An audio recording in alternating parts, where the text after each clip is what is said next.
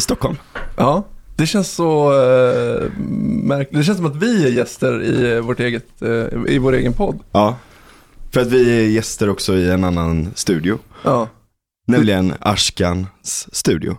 Välkomna. Sista, känd från Sista måltiden, eh, känd från Napster, eh, känd som techguru, får man säga så? Jag vet inte. Det låter weird. Ja, Det känns som att du har Jag många har aldrig byggt något teknologiskt i mitt liv så jag vet inte. Nej men techprofet kanske, eller shaman. Just det. Maybe. Jag, jag träffade Alexander Bard igår som pratade om begreppet eh, digital elder eller något sånt där. Aha. Ja, Kallar han sig själv men du är inte så gammal än så att, Inte än. Jag är 30, jag blir 37. ja. Då är ni lika gamla. Ja, jag är I princip. 35. Jag blir 36 nästa år. Ja. Men det är inte så svårt att bli en digital elder idag. Nej för det är det, sant. för det är ingen som håller på med det. Men vad, kan du bara Ribban är förklara, sjukt låg. vad, är, Ja, vad, är är, sant. vad är, förklara begreppet så att Nej jag fattar. vet inte, men det är väl bara någon sån här liksom shaman på internet. så Ja, här, någon jag. som har varit med sen äh, jämt typ. Ja lite så. Lite koll. Det Jag känns, som tänker en, det. det känns som Bard, för att han var ju ändå väldigt tidig med att, Ja men han, han är en sån. ja, Ja. precis. Och någon som Marshall McLuhan är en sån. Mm. Skulle man kunna säga.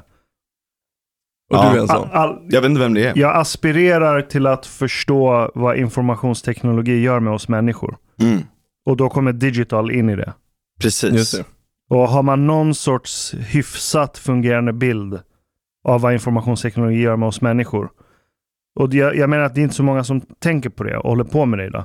Nej. Så ribban är inte så hög. Mm. Eller det är många som typ tänker på det lite så här lekmannamässigt och liksom man har Ja, ja, sett ja, någon sån här dokumentär om du vet social media eller något sånt. Ja, liksom sådär. men... Men, då är det så här, ah, hur, hur mycket skärmtid har du? Och det är Ja, så här, ah, exakt. visst, det är en del av det. Mm. Ja. Men vad jag vet så är det inte många som gräver på djupet och Nej, kollar precis. historiskt också. Vad informationsteknologi har för roll. ja. Och jag tror att vi idag underskattar fett mycket vad informationsteknologi har gjort med oss människor. Mm. Verkligen, verkligen. Nej men man kan ju nästan bara se typ, alltså evolution, vanlig evolution, eh, biologisk sådan går ju jävligt långsam. Mm. Och om du tar steget innan det så går det ju ännu långsammare från alltså, fysisk materia till att materia börjar kunna liksom compute, alltså ta en input, ge en output. Alltså hela den processen tar ju extremt lång tid. Mm. Och sen så har du den evolutionära processen som blir ett nytt, eh, så att säga en ny tröskel där det går snabbare. Då, sen har du den sociala eller memetiska evolutionen som går skitsnabbt. Men nu idag så går det ju så otroligt icke-linjärt snabbt att Mm. det är svårt att hålla koll Yes. på många sätt. Mm. Är, är ni båda kognitiv science Nej, nej, nej. Nej. Jag är jurist. Ja, du är jurist. Ja, jag pluggar juridik, men jag är Aha. musiker bara egentligen i grund och botten. Ja. Typ, kan Ah, man säga. tungt. Och jag, eh, alltså jag pluggar ju inte längre men jag har en kandidat. Ja. Och jag, jag lyssnar väldigt mycket på Frans, så jag har lite koll. Du tror, ja, precis, han, han tror på allt jag säger. Ja, precis. Jag köper allt. Nej men jag skrev om matematik faktiskt, eh, specifikt. Eller jag skrev om eh, sociala, ehm, eller rättare sagt hur idéer rör sig i sociala nätverk. eh, och hur de skapar memetiska infrastrukturer som i sin tur leder till högre idéflöde. Hmm. Vad är en memetisk infrastruktur för något? Um, alltså det kan vara ett språk till exempel. Ehm, då, All då har right. du en infrastruktur och den är eh, lokal. Den är inte liksom förprogrammerad och den är inte nödvändigtvis global. Det kan till och med vara så att vissa slangord eller typ akademiska eh, som, ett, som ett språk, alltså är, är ju liksom att du har vissa segregativa effekter i det. Ehm, och om du, är en, om du liksom lär dig den psykoteknologin så har du en infrastruktur att kunna agera i. Uh, och ibland så kan det bara vara så att du föds in i den och då får du en top-down effekt på dig som är skapad från en bottom-up process. Ja, Liksom. just det. Någon har, Ehm. har du pluggat John Vervecki? Ja, det Ja, jag tänkte på det. Du Ja. sa psykoteknologi. Ja. Jag tror det är han som har myntat det. ja, det Eller populariserat det i alla fall. Precis, men jag Asbra tror ord. nog fan han har myntat det till och med också. Mm. Han är så fruktansvärt bra alltså. Jag är inte säker på att jag vet vem det är. Eh, den heter, alltså, the, vad heter det, the meaning crisis, vad är det? Um, Awakening from the meaning Awakening crisis. from the meaning crisis, Mm. ja. Och sen så, och det, det handlar i princip, han, han, han kör liksom, det är komparativ mytologi, eh, eller han är kognitionsvetare och typ expert på buddhism tror jag. Mm. Eh, men kan väldigt mycket komparativ mytologi då. Så att han, Mhm. eh, hans grej är att han går, han utforskar mening från, alltså typ, i princip från varför shamaner blev evolutionärt selekterade för, till eh, genom historien med liksom, idéhistoriskt, religionshistoriskt och komparativ mytologi till mer moderna former av tänkande och moral och, och så vidare och så vidare också. Mm. Så jag, jag, mycket i min kandidat är inspirerat från honom. Tungt. Ja. Så, och jag gillar, han snackar mycket om konvergens också. Mm. när du ska förklara saker. Att om du har sju olika fält, ja men säg eh, computer science, eh, neurovetenskap, psykologi och ja, men lägg till fyra fält till. Mm. Om sju olika fält med sina verktyg och sina sätt att se på världen kommer fram till ungefär samma slutsats. Mm. Ja. Då är, det, då är du inne på någonting jävligt viktigt Mm. och spännande. Exakt. Förmodligen. Eh, till skillnad från att det är ett fält som förklarar allt annat. Mm. Då ska du vara jävligt skeptisk.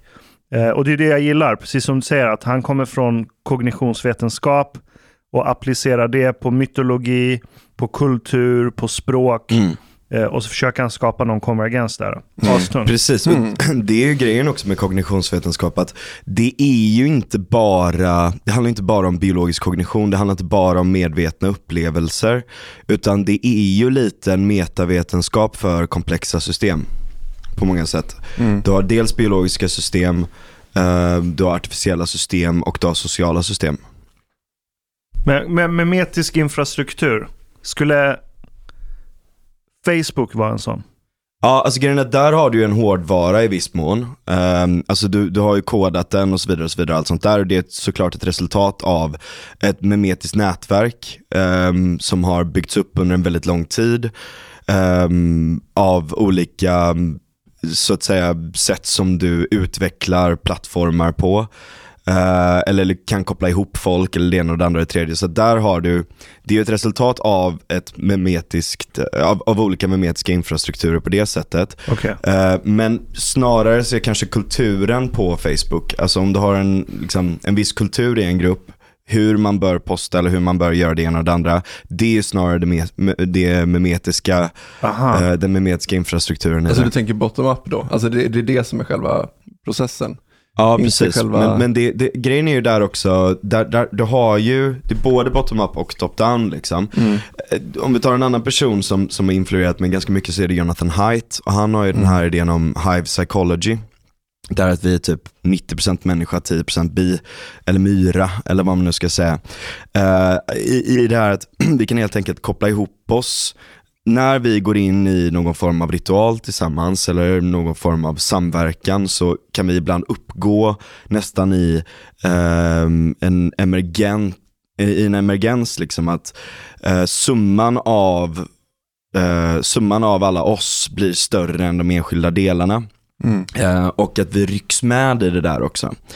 Ehm, och där blir det nästan så, skulle jag säga då att det som skapas, den här emergenta formen som skapas, du har en förväntanseffekt av den också. Ta typ en, så här, ta sociala koder, hur du förväntas bete dig liksom. Det är inte en person som sitter och bestämmer de reglerna, utan det är ju någonting man förväntar sig att man bör agera efter på ett sätt och alla på något sätt följer de här reglerna som inte står någonstans. Mm. Eh, men den existerar ju och den existerar i så att säga planet eller nivån av mell- mellan oss. Det är vi som är nätverket för den här teknologin eller infrastrukturen på sätt och vis. Liksom. Det är vi som är hårdvaran för den att, att kunna fungera. Mm. Liksom. Vi är de enskilda transistorerna i princip. Mm. Ehm, och ehm, det här är intressant med komplexa system för att det är så här, i många fall så är det ju nätverk på nätverk på nätverk på nätverk. Yes. Så att vi har ett neuralt nätverk, vi har ett genetiskt nätverk och båda de två samspelar med ett socialt nätverk. Du har ett nätverk av atomer Um, vi har ett nätverk av olika processer i, i, i rymden som händer. Um, jag menar bara det, typ, jag håller på med ett projekt just nu om eld. Och så, eh, så här, på, på jobbet liksom. Och det är så här, så, så satt jag och så grottade jag ner mig så här i, vad är det egentligen som gör att vi kan manipulera eld? Och då är det jorden till exempel, den är perfekt storlek för att syret inte ska försvinna upp, men för att helium och väte inte ska ligga nära ytan. Alltså det är så många olika faktorer som ligger in i det här och vissa av de processerna är medvetna och vissa av dem är inte medvetna eller har agens, alltså i den här medvetna formen. Vissa andra har det i en högre form. Eh, ju mer komplext det blir, desto mer kanske agens skulle man kunna säga att det finns i det. Um, men även då liksom den här abstraktionen av det som skapas, liksom religion, ideologi, moral, alla de här olika sakerna existerar ju på något sätt mellan oss. Uh, I on, liksom de osynliga banden mellan oss. Uh, som, som blir ett nätverk i sig som har en liksom, komputativ effekt. Liksom. Mm. Ja, språk skulle ju aldrig uppfinnas av en solitär människa. Nej, Nej. precis. Exakt. Mm. Och där blir det en att det blir en sån tröskeleffekt där då att så fort du börjar uppfinna lite språk, då kickar du igång en ny process för att du har en mer effektiv infrastruktur för samarbete. Mm. Så att, och, och, och den i sin tur kan generera andra infrastrukturer också då, kultur, moral, ehm, regler och lagar som gör att din lilla tribe blir mer effektiva. Men det, alltså, man kan ju förklara det, alltså, memetikens grund där kan man ju förklara nästan lite som att så här, någon ser en, en, en bit trä flyta ehm, och tänker, åh fan men om jag lägger mer trä så kanske det flyter också. Tänk om jag kan lägga lika många, eller så många att jag kan sätta mig på det. Och så kan jag flyta också. Om den personen lär sig det och sen dör, då är ju all den kunskapen borta. Mm. Men, för att det behöver lagras, det behöver integreras eh, och så vidare och så vidare liksom. Men om den kan på något sätt förklara det och integrera det hos en annan person ha en tillräckligt stark bandbredd, om vi tänker wifi-mässigt nästan liksom, till den andra personen. Då, om du har en tillräckligt stark bandbredd så kan du liksom lyckas förklara de här sakerna och integrera det hos personen så att den i sin tur kan fortsätta att integrera det i nätverket i, till andra personer eller till nästa generationer eller som stafettpinnar mellan olika smågrupper. Så en häst har inte bandbredd för att kunna kommunicera med en båt till en annan häst. Just det. Nej, precis. Right. precis, Mm. precis. Den, eller, den har inte psykoteknologin av språk och det minskar bandbredden extremt mycket. Liksom. Mm. Mm. Just det. Men hästar kan ju härma varandra lite och sådär. De har ju någon form av social hierarki och lite sådana här saker också. Så att, ja. Ja, och de är skitduktiga på att läsa av varandra. Och om någon blir skraj för något så kan en häst från ganska långt avstånd se på en annan häst så här, shit den här hästen är vigilant just nu. ja, Mm. Så uh, jag, jag, I better be fucking careful. precis. Men det är låg bandbredd grejer ju. Ja, Det precis. kan ju Ja. myror göra också. Mm. Ja, exakt, exakt. Mm. Och det gör ju vi också i många lägen, att man så här helt plötsligt får en bad vibb av någonting och inte riktigt kan förklara den. Mm. Det är ju de här, liksom, det är ju djupt, djupt, djupt liksom. Jag tänker, det finns ju exempel på när teknologier helt och hållet har raderats ut. Och Mm. förmodligen så har väl den lagrade, alltså till exempel biblioteket i Alexandria var det väl som brann ner i alla fall det var. Mm. Det var skitmycket kunskap som bara pong, liksom, helt borta. Mm. Och sen försvinner all den kunskapen på en generation sen, liksom, mer Mm. eller mindre. Ehm, och det finns väl lite exempel på sånt, typ man vet inte riktigt hur de byggde pyramiderna typ. Är det inte något sånt där? Nu, nu snackar jag om saker som jag inte har koll på. Ja, exakt. Ja. Populär förklarings... Eh, Ja. det är aliens. Och det är som Joe Rogan har en rutin där han säger om jag stoppar dig i skogen med en yxa, hur lång tid innan du uppfinner e-mail? Ja, Ja. precis. Exakt. Det är ju den. Mm. Precis, precis. Eller en Ja. penna överhuvudtaget. Hur fan ska man bygga en penna själv? Liksom? Ja. Det är ju klassiskt eh, Milton Friedman-exempel tror jag. Ja. Om det- Jag vet inte om det är han som kommer det. Men, eh, Nej, det var faktiskt inte han som kom på det, men det var han som Ja, populariserade det. den. Ingen kan göra en penna. mm, Just det. Det är för komplext Ja. för en person. mm. Precis, jag använder det exemplet också faktiskt i min uppsats där, men adderar då även att eh, det är ju inte bara den här processen av de enskilda så att säga produktiva grejerna, att du ska kunna liksom tillämpa kunskapen med, med dina händer och göra någonting. Utan du kan ju även addera liksom, det memetiska nätverket som har byggts upp under så lång tid, så att man har kommit fram till teknologierna som möjliggör att man kan göra en penna också. Jag, jag ramlade över en studie, jag kommer inte ihåg vart jag såg den. Det var i- häromdagen. Eh, att det, det var ett gäng forskare som hade nyttjat att ja, men folk lägger upp bilder på sig själva på sociala nätverk. Mm. Fine. Då hade de scrapat, tror jag, något gigantiskt socialt nätverk och sen haft någon algoritm som hittar doppelgangers. Mm. Och så försökte de hitta liksom, ja, men 20-30 par av extrema doppelgangers. Så att det, de skulle nästan kunna vara tvillingar, Ja. men de har inget med varandra att göra släktbandsmässigt. Ja. Eh, och sen får de tag på de här människorna och börjar studera deras gener. Ja. Och så märker de att ditt utseende i ansiktet, två personer som är släktbandsmässigt helt orelaterade med varandra. Mm. De kanske bor i olika länder till och med. Mm. Eh, Men bara för att ansiktena är sjukt lika så är det massa andra egenskaper som är lika också. Jaha. Rökningsvanor, Nej, vissa shit. intressen, kroppsfett, livsstil. Sjukt många grejer som är lika. Ja. Lite rasbiologi över det här alltså. Det är ju det. Det är, det, är. Alltså, det, är, det är farlig mark. Ja. Men, men, Men det är synd att det har blivit farlig mark. Alltså det finns så jävla intressant forskning inom Ja men genetik. det är ju inte så liksom. konstigt för det här är också nätverkstänk. Ja. Att det ligger någon jävla kluster av gener djupt nere någonstans. Att det är det här klustret av gener som gör att både din näsa kanske ser ut på ett visst sätt och också din affektion till, fan vet jag, transfetter och skräpmat. Att det är samma kl- genkluster. Ja. som ger upphov till de här sakerna.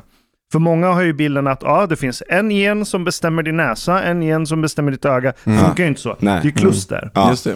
Det Och där, en gen liksom. kan aktivera Ja. flera andra. Exakt. Och sen har du dessutom, det är inte bara så att du föds med en viss uppsättning gener. Eh, utan det, alltså du, din kropp reproducerar ju sig själv hela tiden. Med, med nya, alltså nya proteiner, nya atomer, nya det ena och det andra. Sådär, celler liksom.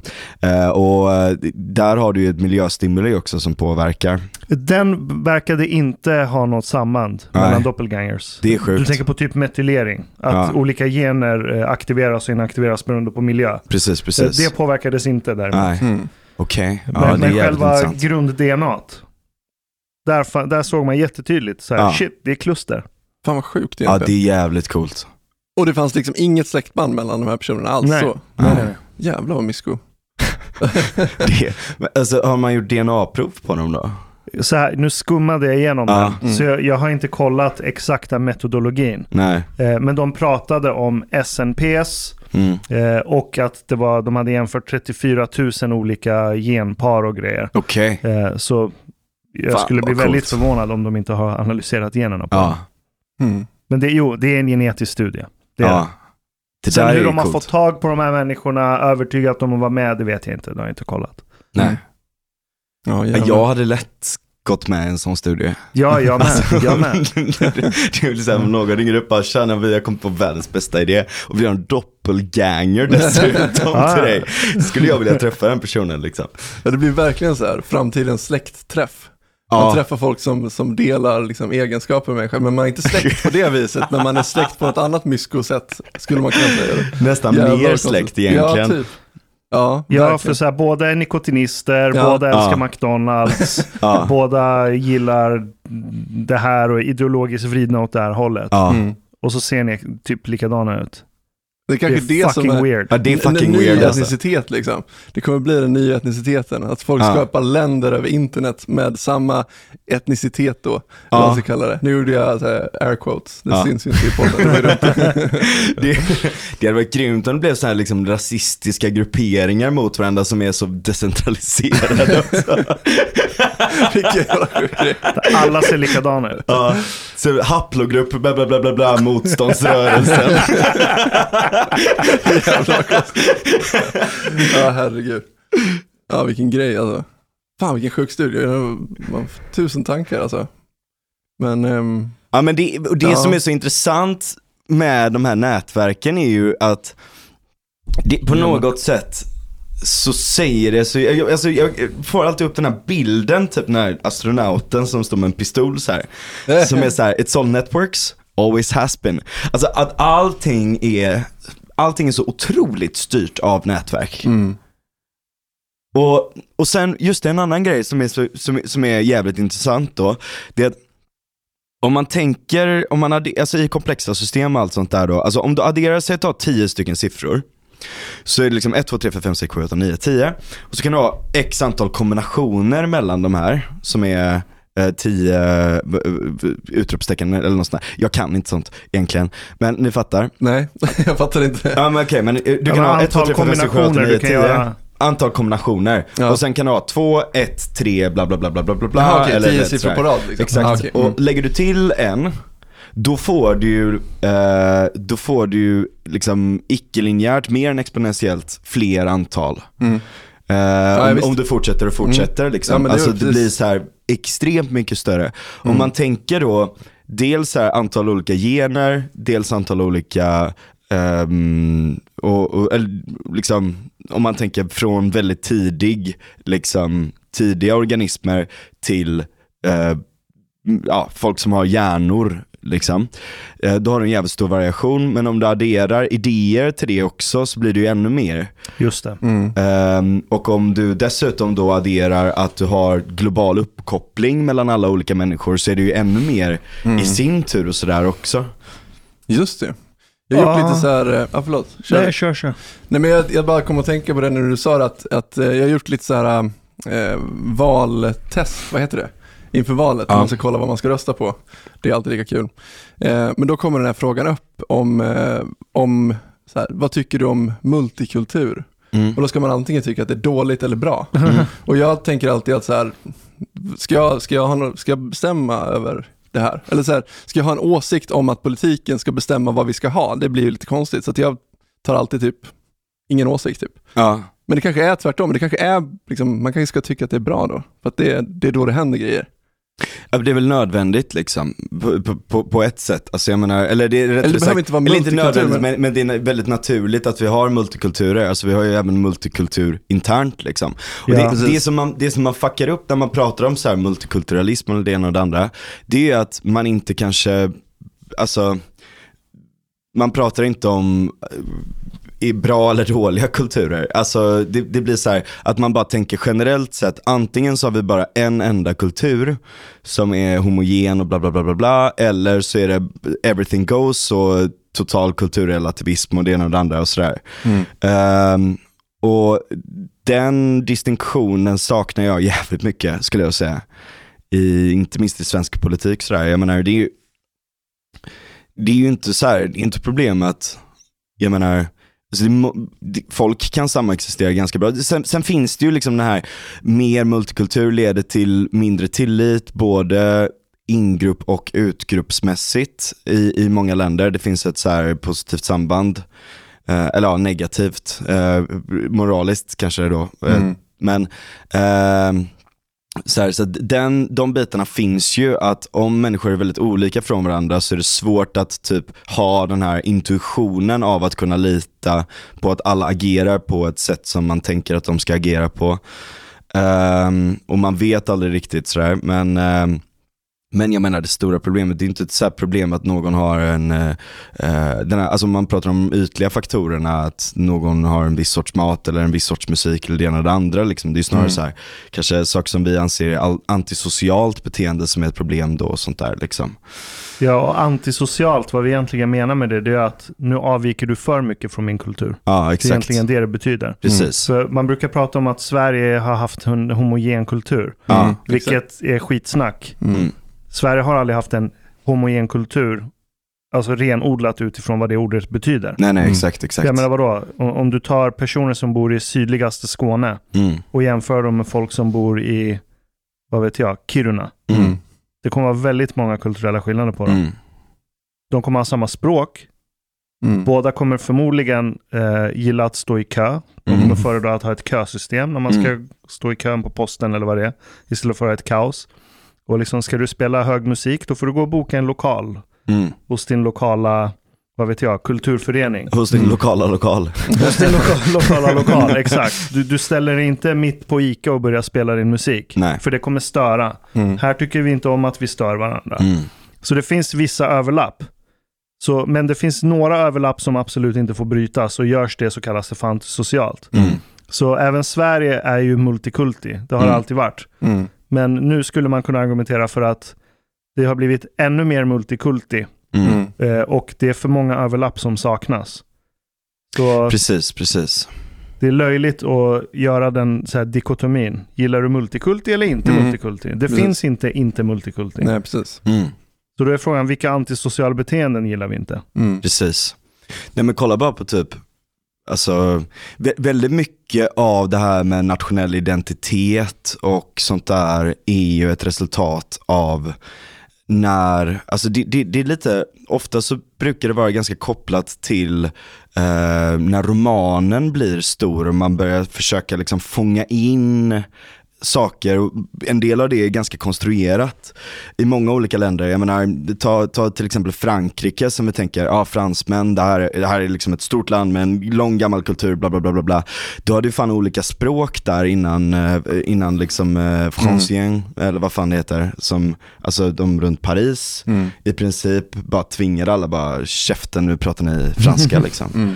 Du hade ju massa lokala språk, det är samma med Italien Ja, också. verkligen. Alltså Mm. italienskan är ju ganska sent, sen konstruktion. Har ju så här, Det är väl den toskanska dialekten som har blivit Ja, liksom, tror det. italienskan. precis, det är ju liksom Dante, eh, Dante är ju den som egentligen så sätter någon form av prägel på det. Och där kan man också se, på tal om det vi pratade om innan, att om du har en väldigt stark top-down effekt liksom, så kan ju den, och, och du dessutom så här, sanktionerar den eller subventionerar den på olika sätt. Eller sanktionerar annat eller subventionerar sådär liksom. Eh, då, då, då får den ju en, en effekt och du kan ha en förväntanseffekt på att du bör rätta dig in efter den. Eller tvinga folk att göra det och sånt där också. Eh, romanen är ju snarare kanske mer incitamentsdriven än tvångdriven. Eller liksom mer naturlig på något sätt. Att den har en stark memetisk eh, kraft liksom. Ehm, men sen finns det ju allt möjligt liksom. Och Sverige har ju lite samma sak. Jag menar Göteborg eh, är ju en jättekonstig stad. eh, Jo på många sätt. Liksom. och det är ju så här, där, och det är ju också för att vi har varit den stora hamnstaden och det tog två dagar med båt att åka till London och Amsterdam och så tog det sex dagar med häst till Stockholm. Mm. Så att, ehm, det, det har ju alltid varit en konstig kultur där och så. Vi, och, och, och fått lite sin egna, sin egna kultur och sånt där också. Jäm, liksom jämfört med resten av eh, eh, Sverige, till och med resten av Västra Götaland eller Bohuslän och sådär också. Mm. Men det är därför du behöver skrift för att kunna ha en nationalstat. Ja. Du kan inte ha en nationalstat utan skrift. Mm. Det är helt omöjligt. Mm. Det är som du säger, romanen. Mm. Right? Mm. Mm. Det är inte för att romanen är en berättelse. Vi har haft berättelser hur länge som helst. Mm. Men det är skriften. Precis. För utan det kan du inte distribuera sådana här, vad skulle du kalla skrift? Är det memetisk hårdvara då eller? Ja, det är en memetisk infrastruktur. Är det? Ja, jag skulle säga. Men Varför, I så fall borde Facebook också vara det. Ja, ja, men det är ju det på många sätt. Aha, okej, Ja. okej. Ja, men då missförstår jag det. Ja. Ja, så det är därför du hittar inga nationalstater innan skrift. Utan skrift får du Jag, klansamhällen. jag menar bara för att förtydliga, alltså, en del grejer i Facebook är ju bara hårdvara. Ah, okay, men okej, en del okej. är, ja. Så men då blir det samma sak med skrift. Du behöver Mm. papyrus, penna, papper, tyg, Mm. någonting. Sten, tab- vad heter det? Ler, ler Ja, eh, precis. tavla. Där du kan Mm. klaga på folk som har dålig koppar och sådär. Right, right. Ja. ja, och där kan vi se att, jag menar, var, var uppkommer, det är också ganska intressant, var uppkommer skriften från? Det är från handeln, för att ha ett sånt starkt incitament att uppfinna ett standardiserat system. Mm. Är det inte det fonetiska alfabetet som är resultatet av handeln? Skrift har väl funnits? Nej, alltså skriften, den första, eller Eller de, de, äldsta bevarade, de äldsta bevarade grejerna, eh, eller äldsta bevarade skrifterna och sånt, är kopplat till handel. Ja, just det. Ja, Och- men bokföring och, Ja, och ja, hålla exakt. reda på jordbruk och Precis, Ja, precis. hur många kossor man är skyldig grannen och... Precis. Och sen ganska nära det där så börjar man också utveckla det eh, till, till andra former och då blir det ju, och då är det ju religion liksom. För att man ska bevara, alltså det är ju sånt som har varit i oral tradition tidigare. Eh, men problemet med oral tradition är ju att alltså, du kan ha en ganska effektiv bandbredd från person till person, men du har ju typ den här visklekseffekten. Ehm, den, liksom, den storyn liksom blir det här som sen blir det som sen blir det. Alltså det så att säga muterar väldigt mycket på vägen. Ehm, och, um, eller, eller korsblandas med andra idéer och sånt där också. Så att skriften har ju det här att den har en viss permanens också. Du kan kristallisera en idé på ett annat sätt och arkivera den på ett annat sätt. Mm. Som, som inte är beroende av, liksom, ja, eller lika liksom, formbar då. Mm. Så att uh, du har ju tidig, alltså Gilgamesh-eposet till exempel och sånt där också. Uh, och sen om man ser liksom, och då var det ju egentligen bara lärda liksom scribes som kunde skrift. Men sen har du ju fenicierna som, som utvecklar ett mer lättillgängligt språk, eller liksom skriftspråk som egentligen är det första som folk, vanligt folk kan börja använda. Det är för att det är fonetiskt. Ja, Det är mycket lättare att Just lära det, sig. Du exakt. behöver inte memorera 3000 symboler. exakt. Du har, vad hade de, 30 någonting? 34? Mm. Bara konsonanter dock. Ja, exakt. Ja. What? Det Ja, då, då heter det inte strikt fonetiskt, det heter något annat. När du Ja, inte har vokaler med. Jag kommer inte Mm. ihåg vad det är. Men det, men det är ju föregångaren till fonetiskt alfabet. Mm. Ja, Så det är som arabiska och det vi använder i Iran. ja. Där skriver du inte ut konsonanterna, vissa av dem. Eh, Vokalerna. Eh, vokalerna menar Ja. jag, precis. Mhm. Det finns Aha. vokaler. Du Mm. kan lägga vokaler överallt om du vill. Men man skippar de flesta vokalerna. Shit, Så då måste mer. du själv intuitivt eh, känna av vad det Aha. borde vara. Ja. Blir det mycket det- missförstånd då? Eh, när, när du precis ska börja lära dig det, Ja, då är det svårt. Ja. Så när kids lär sig alfabetet där, ja, eh, då, då, då lägger man ut allting. Och sen successivt slutar man okej. lägga Aha, ut okej. vokalerna. Aha, och då bara typ vet man ur, liksom utifrån kontext. Yes. Mm. Ah, så det är inte liksom så här, för ibland kan det ju bli så här, om det är ett, Ja. ett ord som är väldigt likt ett annat, liksom Ja. hyra, hora eller du vet så här. Ja. Okej, ja. Fan vad mycket mer effektivt det måste vara. Alltså du kan ju skriva en bok då på väldigt mycket färre sidor. Det borde du kunna. Det har jag Ja. inte Tänker tänkt jag. på, men det borde du kunna. Men grejen är att många av vokalerna, de kommer som, som vi har liksom prickar över A. Mm. Mm. Det är att du drar ett streck eller gör en krumelur över konsonanterna. Ah, ja, ja. Eh, jag tror, inte, det är bara A och O som behöver sin egen Okej. Mm. bokstav. Ja, Det är jävligt Vilken intressant. sjuk grej. Man får lära sig mycket nytt här idag känner jag. Ja. Grekiskan är den första som har vokaler. Yes, exakt. Och det är precis som du säger, fenicierna eh, börjar fonetisera, eller Ja. börjar starta en trend mot fonetisering Ja. av skrift. Eh, just på grund av handel. Precis. Mm. För att det är snabbt att lära sig, du kan konventionalisera olika begrepp och koncept. Mm. Ja, men det blir startskottet till en ny memetisk infrastruktur. Exakt, Right. exakt. Och där är det så jävla intressant då, för att om det finns någonting som verkligen påverkar nätverk eller komplexa system så är det ju incitament. Alltså det kan man ju se i artificiell intelligens och så också.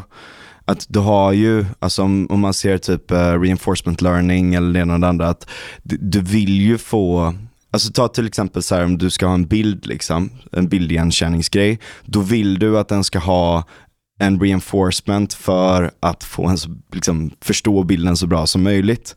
Och det är lite samma med oss, och där är ju typ pengar, Mm. är ju, liksom, har ju blivit det på något sätt. Det har blivit en proxy som bara är en väldigt, ska man säga, eh, ja det är ju informationsteknologi på sätt och vis, för att det är en abstraktion och det är en konstruktion, det är en psykoteknologi, det är en gemensam psykoteknologi där alla bara bestämmer sig att okej men vi använder det här som en mellanhand för att det blir så sjukt mycket enklare att så att säga handla eller agera eller så vidare. Och så vidare. Men är det det som skapar selektion då? För jag menar det är en sak att ha ett nätverk, men du Mm. måste ju, alltså om du ska ha någon form av evolution i nätverket så, Ja. så måste du ju ha någon form av selektion. Ja men det, det sker ju naturligt Ja. och det är där, alltså om du har den abstraktionen som bara är liksom en poäng liksom, eh, pluspoäng, då, då, kan ju, då kan du ju ha en jättestor eh, adaption och fitness runt det liksom. Mm. Så det möjliggör väldigt, väldigt, många fler olika kombinationer i nätverken för att nå det. Och exploration är det också liksom. Och där kan man ju säga att om det, på tal om, som du säger där, alltså hur informationsteknologi har påverkat oss skitmycket. Alltså det är ju, det är ju liksom kanske ett av de stora tidiga exemplen på hur, på hur jävla påverkade vi blir liksom av det. Mm. Mm. Känner ni till uh, McLuhans mantra “The medium is the message”? Nej. Det, det, det finns ett skämt, eller skämt och skämt. Jag kommer inte ihåg, jag tror han heter, det är någon pastor som heter Father John Culkin eller någonting. Ja. Som sa “We don't know who invented water, but we're sure it wasn't a fish”. Mhm. Och poängen är att ja, men en fisk är inte medveten om vatten. Nej. För, för en fisk finns det inget som kallas för vatten. Den Nej. kan inte konceptualisera vatten. Nej. För att den är så omringad av det hela tiden. Precis. Eh, och det är ju vattnet till stor del som formar fisken. Ja. Det är ju vattnet som gör att den har utvecklat gälar Ja. Mm. och fenor och alla andra organ den har Precis, som funkar precis. väldigt bra i det vattnet. Ehm, och och jag, jag försöker väcka liv i McLuhan igen för att jag tycker att han har blivit bortglömd. Mm. Eh, Men på många sätt är han nog den mest värdefulla profeten som vi har idag. Han gick tyvärr bort 1980 innan internet eh, tog över världen. Mm. Mm. Men jag tror hans tänk kring medier kan användas för att förklara mycket av vad internet egentligen gör med oss. Mm. Eh, och informationsmedier gör med oss överlag. Eh, men hans grundpoäng är att det är inte innehållet i ett medium som påverkar oss människor. Utan det är mediets själva natur. Mm. Hur mediet funkar i grunden Mm. som påverkar oss. Och precis som fisk som inte ser vatten så ser vi inte medierna. Vi ser bara innehållet i medierna. Mm. Så vi tittar på så här, åh, vad kommer internet göra med oss? Ja, det finns sociala medier och barn mobbar varandra och så här. Ja, okej, Mm. fair enough. Eh, YouTube, eh, det kommer misinformation, bla bla Mm. bla. Men vi är hela tiden fokuserade på content. Mm. Medans om man istället tittar på vad... Proximata och inte ultimata förklaringar om man ska använda liksom, genetiska ord. ja, termer. men exakt, Ja, ja. exakt. Och, och vi var inne på skriftspråk. Mm. Och det, det sker en väldigt intressant utveckling av skrift runt 500 före Kristus. Nämligen det att de första skriftspråken som uppfanns så läste man från vänster till höger Mm. och nerifrån och upp. Mhm. Och sen successivt har det här börjat skifta. Inte i alla alfabet, inte i alla skriftsystem. Mm. Men jag skulle säga att de skriftsystem som dominerar rådande världsordning idag, Mm.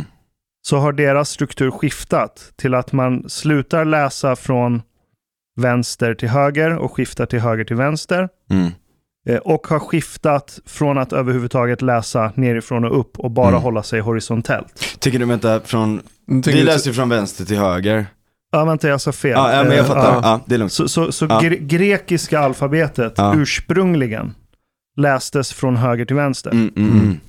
och vertikalt. Okej, Om jag fan inte vad, ah, shit vad konstigt alltså. Sen har det skiftat Mm. till att ja, man läser från vänster till höger. ja, jag tror hebreiska idag fortfarande så läser man uppifrån och ner, Ah, inte okej. horisontellt, om jag inte missminner mig. Mm. ja. Eh, det finns andra skriftsystem som fortfarande är så. Mm. Eh, men att läsa horisontalt. Japanska? Japansk, gammal japanska kan vara Ah, så, yes. ah, ah. Inte modern japanska, Okej, okej. där du bara har syllables. Just det. Ehm, och då kan man fråga sig varför? Vad är poängen? Varför Mm. ska man läsa horisontellt istället för Mm. lodrätt? Mm. Precis.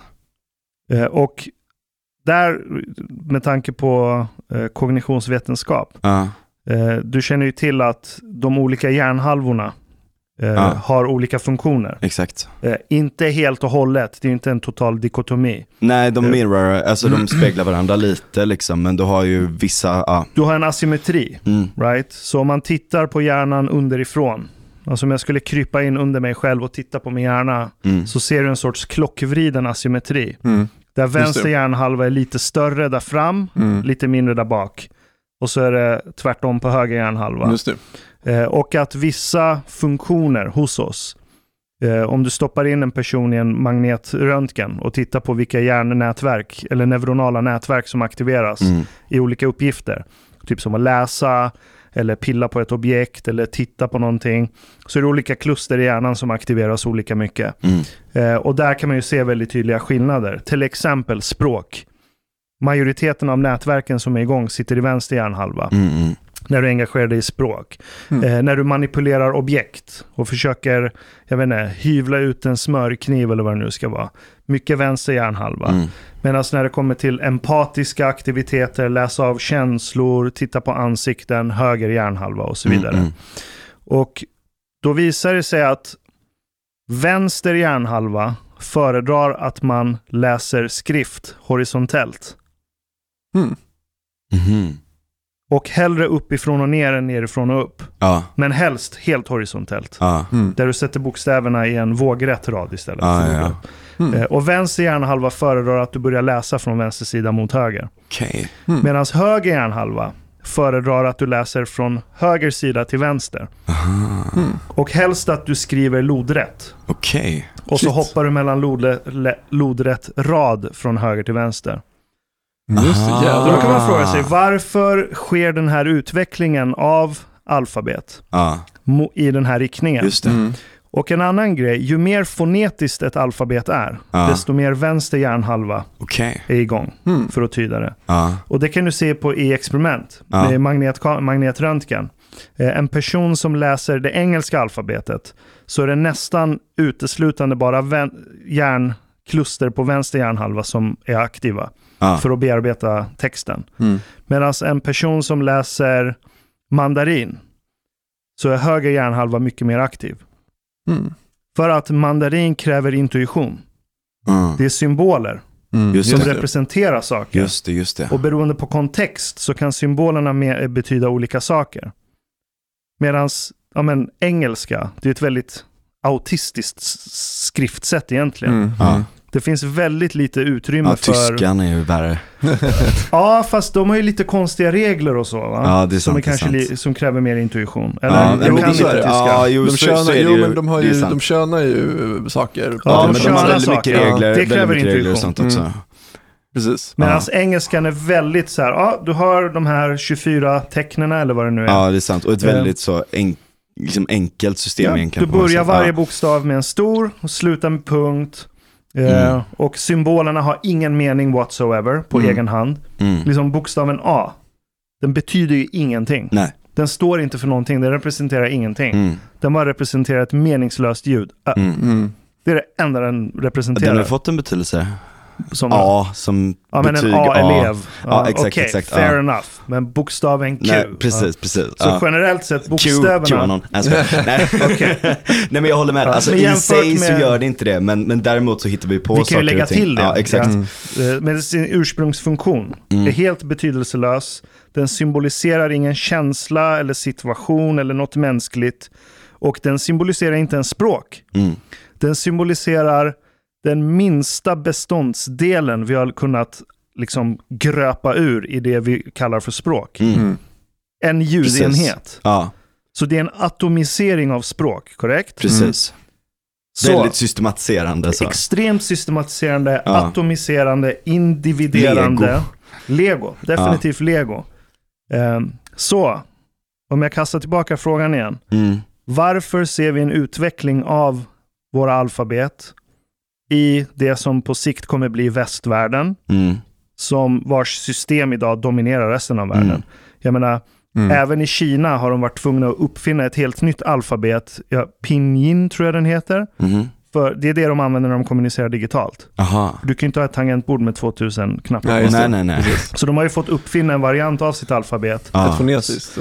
Jag tror den är fonetisk eller syllabalisk i alla fall. Nu slaktar jag orden Ja. här, det blir mycket svengelska. Men Mm. eh, att det är syllables. Mm. Mm. Eh, som modern japanska. Mm. Eh, stavelser. Mm. Just det. Eh, men ja. det är mer fonetiskt i alla fall om vi ser det som en spektrum. jämfört med deras ursprungsalfabet. Eh, så more or less, i hela världen så har man behövt vestifiera sina symboler. ja. Korrekt? Mm. För att kunna funka i en kapitalistisk eh, världssystem och så vidare. exakt, etc. exakt. Så varför, vad händer med oss tror ni? när vi uppfinner ett alfabet som av någon jävla mystisk anledning börjar anpassas för att passa vänster hjärnhalvas hjärnkluster mycket mer. Mm. Vad gör det med oss? Helt rätt, helt rätt tänkt. Right? Det är så jag tror, som en trogen elev, posthum elev av Mm. Marshall McLuhan. Det är så vi måste analysera vad medier gör med oss. Verkligen. Så om vi omringar oss i en miljö, fisken med sitt vatten, och en del av vårt vatten idag, det är våra skriftsystem. Mm. Om vi omringar oss med ett vatten som organiskt, I guess, har Mm. utvecklats till att passa vänster hjärnhalvas preferenser, Mm. så bör ju det förskjuta vårt sätt att uppfatta världen Mm. Mm. och Absolut. tänka på världen utifrån vänster hjärnhalvas Mm. preferenser. Mm. Right? Mm. Jag menar, om jag bygger en, om jag uppfinner en påhittad kultur för en påhittad stam någonstans i skogen, Mm. där jag ser att färgen röd är det farligaste som finns. När ni ser färgen röd så måste ni sätta er ner, säga de här sju orden och så måste ni offra en get. Mm. Annars sprängs världen. Mm. Då kommer ju deras hjärnor börja liksom honas till att hela tiden vara vigilanta efter färgen röd. Mm. Mm.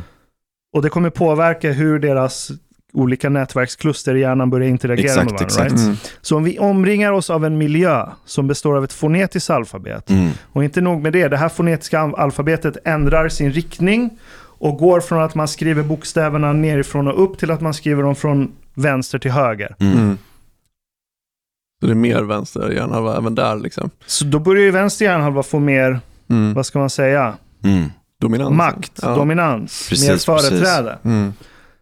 Och så tänker vi på, okej, system som västvärlden bygger på idag. Logik. Mm. Ingen annan kultur som har ha- inte haft ett fonetiskt alfabet har uppfunnit konceptet logik. Mm.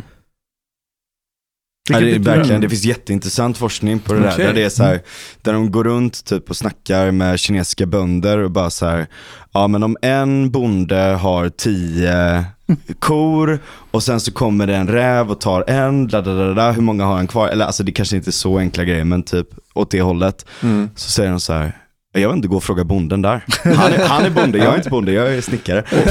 och, och, det där, och, det där, och det där är sunt förnuft Ja. i den kontexten. Ja. I den kontexten. Ha. Eh, Men du, du, du kan inte uppfinna logik förrän du har omringat dig själv med en symbolisk miljö som är fonetisk. Precis, Mm. precis. Det är ju väldigt mycket ett arv av, av liksom gamla grekerna, kan man ju säga. Ja. Alltså idéhistorien som på något sätt tar en, en skift där. Korrekt. Mm. Med Plato egentligen. Ja, Som vi har byggt all vår, eh, kunst, det vi kallar för filosofi i väst idag, Mm. bygger på Plato. mm, Och där skulle jag säga att skiftet till att börja främja vänster hjärnhalva mer börjar egentligen. mm, Ironin var ju att Plato varnade för skriften etc. Men sen la han ner all sin kunskap i skrift. Då blev han femma. Men eh, Euklid, ja, geometri. ja, Det är ju så vi upplever världen idag. ja, Mm. Medan vi vet att världen inte alls ser ut så. mm, Det finns inga raka linjer i universum. Nej. Det finns inga cirklar i universum. Det Mm. finns inga sfärer i universum. Men ingen annan kultur har uppfunnit geometri. mm, Du måste ha fonetiskt alfabet för att sen kunna komma på idén av geometri överhuvudtaget. mm, Mm. Om vi tittar på sen hur fonetiska alfabet är strukturerat. Det är reduktionistiskt. Du reducerar språk till dess Mm. minsta beståndsdelar. exakt. Du atomiserar språket. Och så kommer vi igen till idéer som hela västvärlden bygger på. Ja. Mm. Men, och där, Atomisering av allting, Mm. reduktion av allting. Mm. Du bryter ner saker till sina beståndsdelar Mm. ja, för att kunna bygga upp dem till andra. för att kunna bygga upp dem till alla. Och hur funkar vänster hjärnhalva? Vad är ens enda uppgift egentligen om vi ska hårdra det?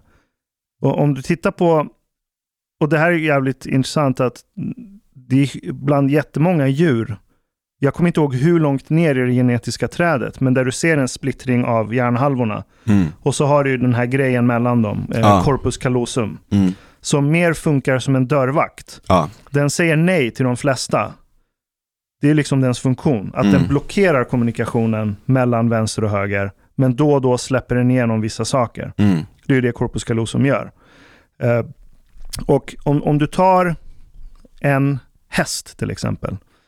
Eh, om den upptäcker någonting nytt som den aldrig har stött på förut. Det gör en mycket mer frekvent med vänster öga. Mm. För den är kopplad till höger hjärnhalva. Mm. Så ni, nya det. intryck, det. Mm. vi kallar för det undermedvetna, det som sker av sig självt och vi inte tänker på det. Mm. Du vet när vi kör bil och så plötsligt reflextvärbromsar vi. Och så tar det en halv sekund innan vårt medvetande ens kommer på vad fan som hände. Mm. Hjärnan har redan bromsat utan att ditt medvetande har varit involverat i det. Det är höger hjärnhalva.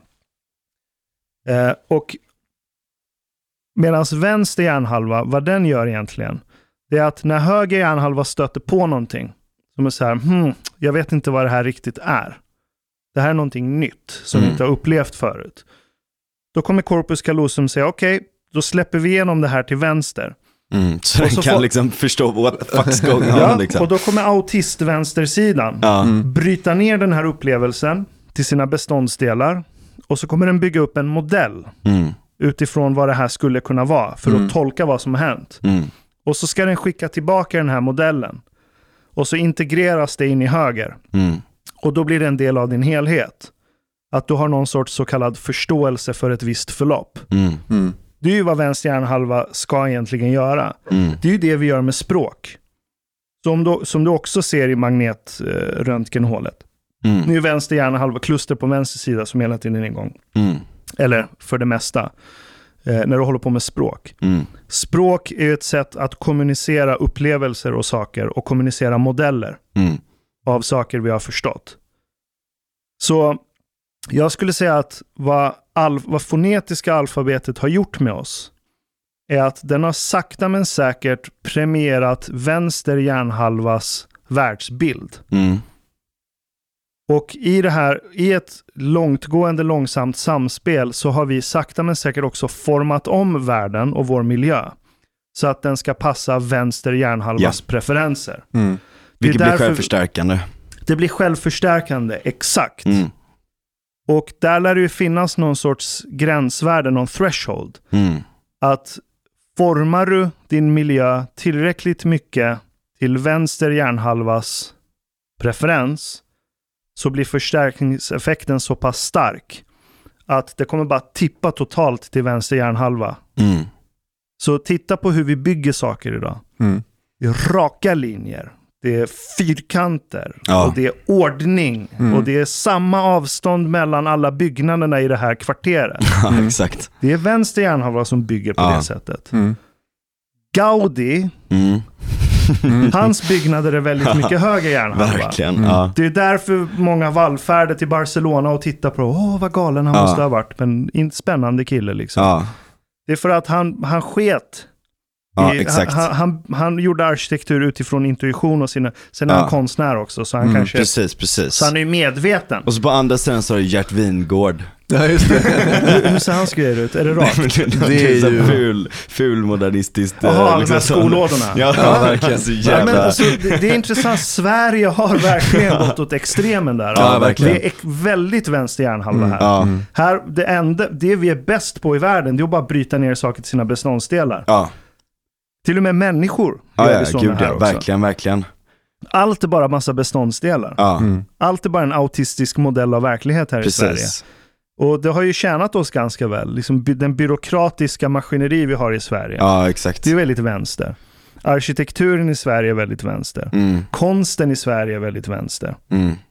Vänster hjärnhalva, inte Ja, politiskt Precis, ja, exakt, exakt. Ja, det är ganska vänster. Ja, det är också. Det inte- också. Det är också, och jag skulle Men det säga... finns ju den så att säga sidan av den vänstern som är så också så här Ja, ja, myrdalsk. Mm. Ja, men, ja, absolut. Ja, absolut. Ja. Absolut. Är ju... Myrdalsvänster, det är väldigt, nu ska vi bryta ner sakerna till Mm. sina beståndsdelar och så gör vi en modell av det. Och Ja. så ska vi korrigera den här modellen. Exakt, Så att den passar så som vi tycker att verkligheten ska Mm. vara. precis. Ja. Och det har också tjänat oss väl. Mm. I Har vissa, har det vissa Ibland. Ibland. Ja, precis. Ja. I, I den kontext vi befinner oss i. Ja. I kontexten att för att tjäna pengar så främjas du av att tänka med vänster hjärnhalva mer än Mm. höger hjärnhalva. Mm.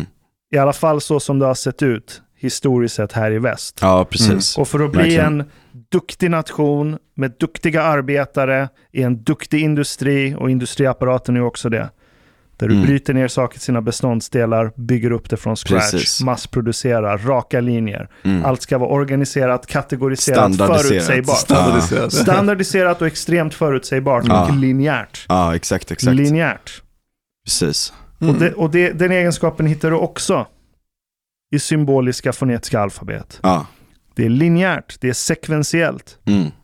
Det finns inget utrymme för icke-sekventiella skeenden i grammatiken för de här språken. Mm, mm.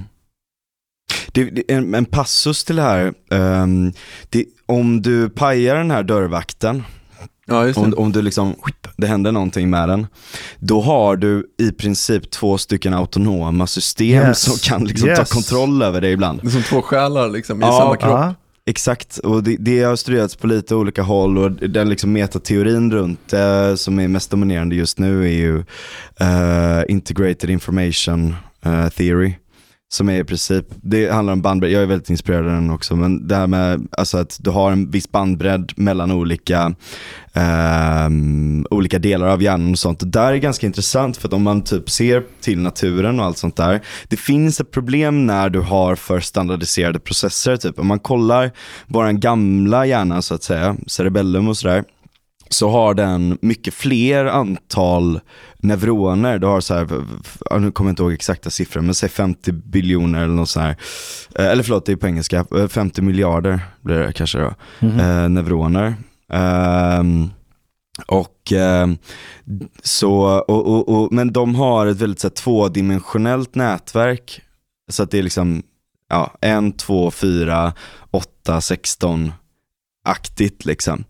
Um, och det gör att du har inte så många kopplingar mellan dem då helt enkelt. Liksom. Um, medan neocortex, alltså de nyare delarna av hjärnan, är mycket mer generalistiska. Så att där har du en struktur som är mycket mer ja, men tredimensionell då. Att du har några, där är det bara så att 15 eller något sånt här. Män har faktiskt fler än kvinnor.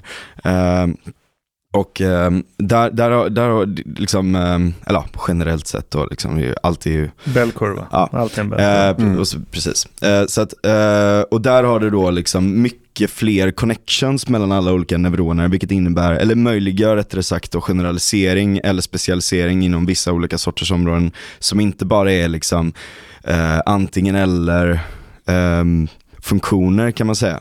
Det är inte lika mekaniskt liksom.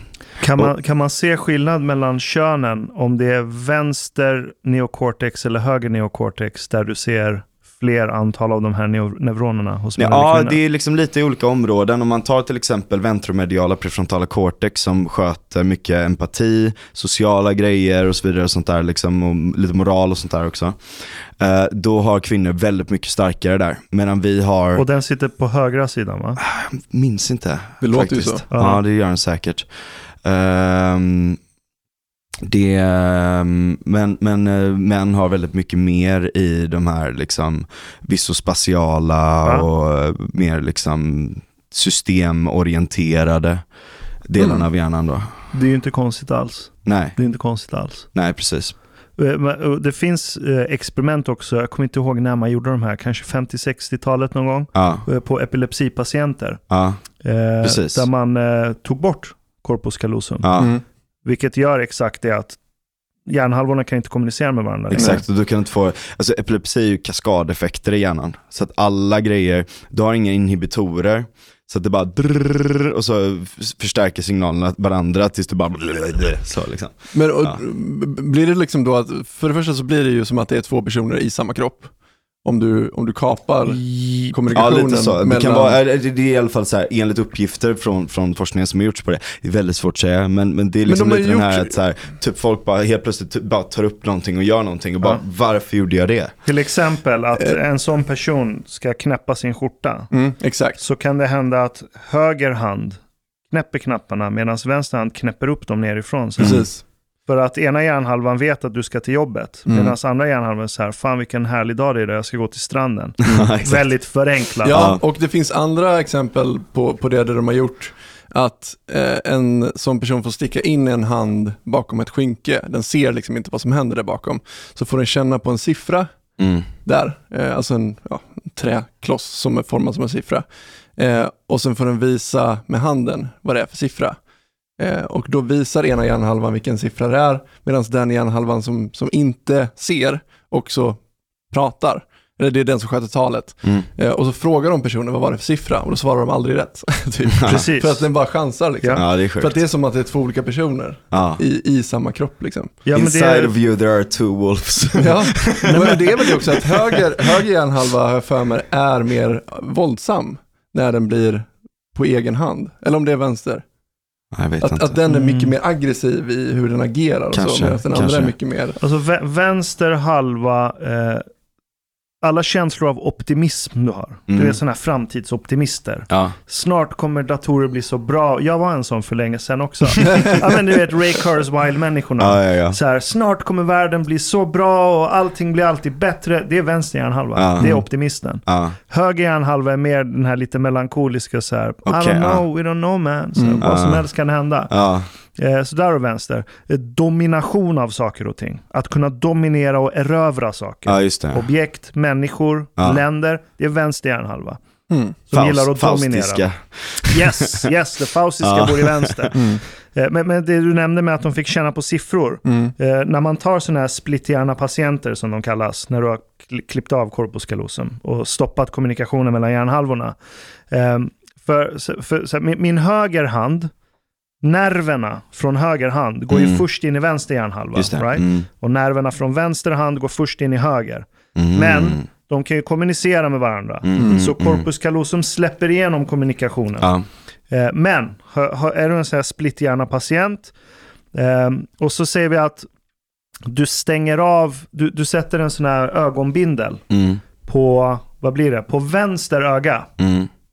Nej, på höger öga. Mm. Så du kan bara se med vänster öga. Mm. Då betyder det att det är bara din höger hjärna som kommer kunna processa det du ser. Mhm. Mhm. För vänster öga, de Mm. nerverna går ju först in Just i höger hjärna. Ja. Allt är ju speglat. Mm. Så tittar du på ögonnerven som sitter på mitt vänstra öga, den går så här som en jävla slang. In i höger hjärnhalva Mm. först. Mm. Så får jag en ögonbindel på Ja, det går höger. faktiskt både upp och ner. Alltså du har ju två stycken kanaler för dem. Ja, fast de går till, eh, de korsar Ja, väl de varandra? korsar varandra ja, de korsar Ja, varandra. mm. Så om jag har ja. ögonbindel på höger öga och bara kan titta med vänster öga, då Mm. är det höger hjärnhalva som kan processa. Mm. Mm. Så visar du en sån här patient, typ en bild på en spade, och så får den titta på den och säga, vad är det du ser? Så kommer den inte kunna kommunicera med ord vad den ser. Ja, det är sjukt. För att språk sitter i vänster hjärnhalva. Just Ja. det, exakt. Ja men det är samma grej liksom. Men om du ber personen peka på, säg att den har ett eh, så här, massa kort som ligger på ett bord med olika bilder på. Ja. Och så visar du den först bild på en spade och så säger du till den, berätta vad det är. Den kan inte svara. Ja. Men om du säger till den, kan du peka på en bild på bordet som eh, du associerar med spaden? Ja. Då kan den direkt plocka upp bilden på en spade Mhm. på bordet. Ja. Vilket Jävlar, det- asfält. ja, det är sjukt. Det är, så sjukt. sjukt, Det är alltså. jävligt sjukt alltså. Eh, och, eh, och det är nu det blir intressant tycker jag. Eh, eller det här är intressant i sig, men till exempel att kunna kategorisera saker och ting. Ja. Att säga, ja, men det här är en mikrofon. Eh, det här är människor. Ja. Det här är hästar. Eh, det är vänster hjärnhalva Ja. som främst eh, sköter sådana uppgifter. Mm. Men att sen kunna skilja på olika människor. Att det här är Jonathan, det här är Lisa. Det Ja. här är olika människor. Mm. Det är höger hjärnhalva som kommer in där. Ah. Och det är intressant det här. Så ni ser trenden. Mm. Ja, ja, Vänster hjärnhalva, den, den, den är inte som kopplad, den är inte kopplad, den är bokstavligen inte kopplad till verkligheten. Mm. Eh, det här är också neurovetenskapligt fastlagt. Mm. Att din immediate, din direkta kontakt med verkligheten, det är höger hjärnhalva. Medan Mm. det vi kallar för kognition, alltså självmedvetandet, det Mm. sitter i vänster hjärnhalva. Mm. Det är modellbyggandet hela Mm. tiden. Ja, ja, ja. Eh, så det som sker i min omgivning, det är höger hjärnhalva som först tar in det. Mm. Eh, och det mesta sker per automatik. Du tänker inte så mycket på det. Mm. Du kliar dig lite på benet, justerar dig i stolen. Det gör du helt omedvetet. Mm. Right? Men så fort det dyker upp något där du behöver aktivt processa det, då skickas det till vänster. Mm. Mm. Och då kommer den här reduktionistiska, atomiserande Just det, autistjäveln just det, just det. Ja. Nu ska vi bryta ner det här, nu ska vi fan fatta vad som händer. Mm. och så bygger den upp en sekventiell linjär modell av det. Ja. right? Mm. Tittar du på patienter som är schizofrena, Mm. så deras beteende, deras uppfattning av verkligheten Mm. påminner läskigt mycket om människor som har fått stroke och skadat vissa delar av höger hjärnhalva. Aha. Eller när du tar en sån här epileptiker som har fått corpus callosum eh, sönder, eh, avskuren. Eller om du bedövar höger hjärnhalva med Okej. barbiturater. Det kan du göra i experiment. Där du Mm. kan tillfälligt bedöva ena hjärnhalvan och se Ja, med effekterna. elektromagnetisk Jävlar. som kranial. Det kan du också göra, precis. Eh, så ser jag att schizofreni påminner väldigt mycket om en person som har tiltat på tok för mycket åt vänster hjärnhalva. Aha. Så vi, det barkar åt schizofrena helt enkelt. Jag, jag skulle säga att västvärlden är en milt schizofren civilisation. Ja, det skulle jag kunna hålla Men med jag om. fattar inte riktigt den grejen. Var, varför, eller vad är det som definitionen av schizofreni då? Vad är det som är grejen med schizofreni som gör att det är mer av en vänster... Det finns jättemånga olika takes på det. Men det är väl Men- att man skapar en abstrakt modell i huvudet Ja, liksom? Eller, ja, men en, en, en generell take. Det är Ja. att eh, du känner dig out of touch från Ja. verkligheten. Du känner dig Mm. alienerad från verkligheten. Allt känns som en teater. Du är fullt medveten om att men, ja, men det här är mitt barn och det här är min gamla skola. Här är människor som går till jobbet. Men du känner ingen connection. Det känns som att antingen att allt det här är bara en teater Ja. eh, och någon galen, ah, så här, galen psykopatisk urkraft från universum har satt in dig i den här teatern. Ja. Eh, bara för att experimentera med dig.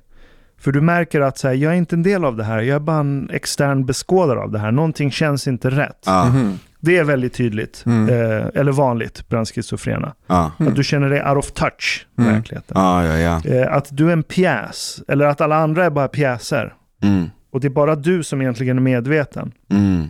Så det är en väldigt generell eh, grej bland schizofrena. Mm. Eh, men tittar du också på deras eh, konst, när du ber dem rita saker och måla saker. Mm. Eh, där är det också saker väldigt detached. Mm. Det, du, det är svårt att beskriva, men det, det, det saknas organiska element Mm. i det de eh, målar ingen upp. feeling i det de gör. Ingen feeling, det är kallt, Mm. Mm. eh, det finns ingen empati. Mm. Eh, det är väldigt avskuret från verkligheten. Ja. Ehm, och, och, och, och, där, och också en annan grej, det är att blinda människor kan inte bli schizofrena. What? Mm. Om du föds blind, Mm. Fan eller får blindhet innan du är fem år gammal eller någonting Ja. sånt, så kan du bli helt immun mot schizofreni. Okej. What? Det är... Vilket borde vara en, och det här upptäckte en, en, jag tror en psykiater, Tom Pollack, på Ja. 60-talet tror jag. Mm. Och han blev helt tagen, han bara, fan, för han jobbade på en klinik där de hade mycket schizofrena. Och så han, men jag har aldrig träffat en blind schizofren person. Mm. Och så började han gå igenom arkiv och register och så började han kontakta andra kliniker. De bara, nej fan du har rätt, vi har inte heller någon schizofren och blind. och sen dess har det blivit en grej. Fan. Och så har man börjat Ja. kartlägga och bara, shit, det går inte, det är en sorts immunitet. Fan vad sjukt. Så det finns inte ett enda exempel på en person som har fötts blind eller blivit blind i Ja. tidig ålder och sen blivit schizofren. Okej. Vilket är en indikation, jag ska inte dra någon slutsats här, men det är en indikation på att synen är instrumental Mm.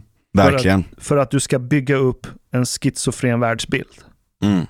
Utan syn så kan du, så, så kan du inte få det här tillståndet. Precis, och Mm. där är också synen har ju verkligen premierats i västerländsk kultur. Yes, och Just där det. kommer Ja. fonetiska alfabetet in igen. Just Mm. det, exakt. Ta den med, liksom, med bara den berömde linsmakaren Spinoza. liksom. Mm. Ja, just Nej, det. men det, det är liksom, Bra. nej, men det har ju, det har väldigt mycket som linsmakare? är, Ja. ja, nej, men det har ju massa, det har ju massa kopplingar till det, att synen, framförallt under liksom vetenskapliga revolutionen upphöjs till det liksom sanningsenliga på något sätt. Är det därför eh, blinda bluesmusiker är de bästa? Ja, kanske. Genom tiderna Ja, Ja. Stevie Wonder också.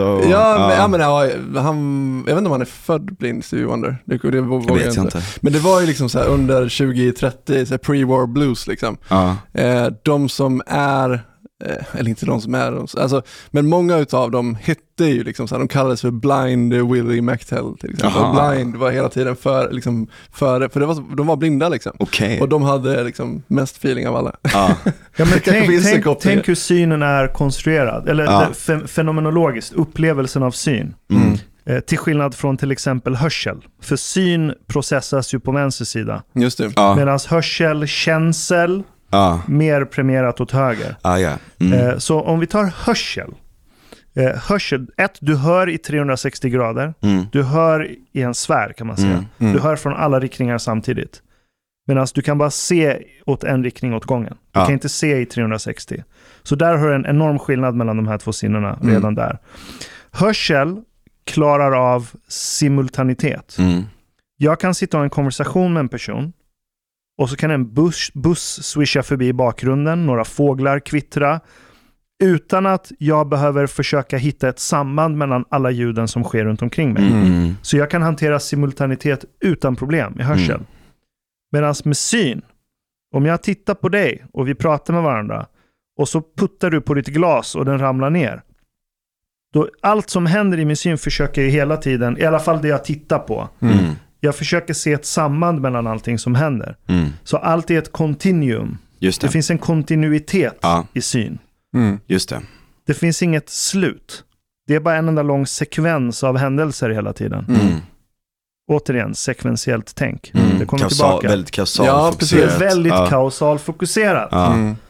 Väldigt kausalfokuserat. Ja. Hörsel är inte det. Känsel är inte det heller.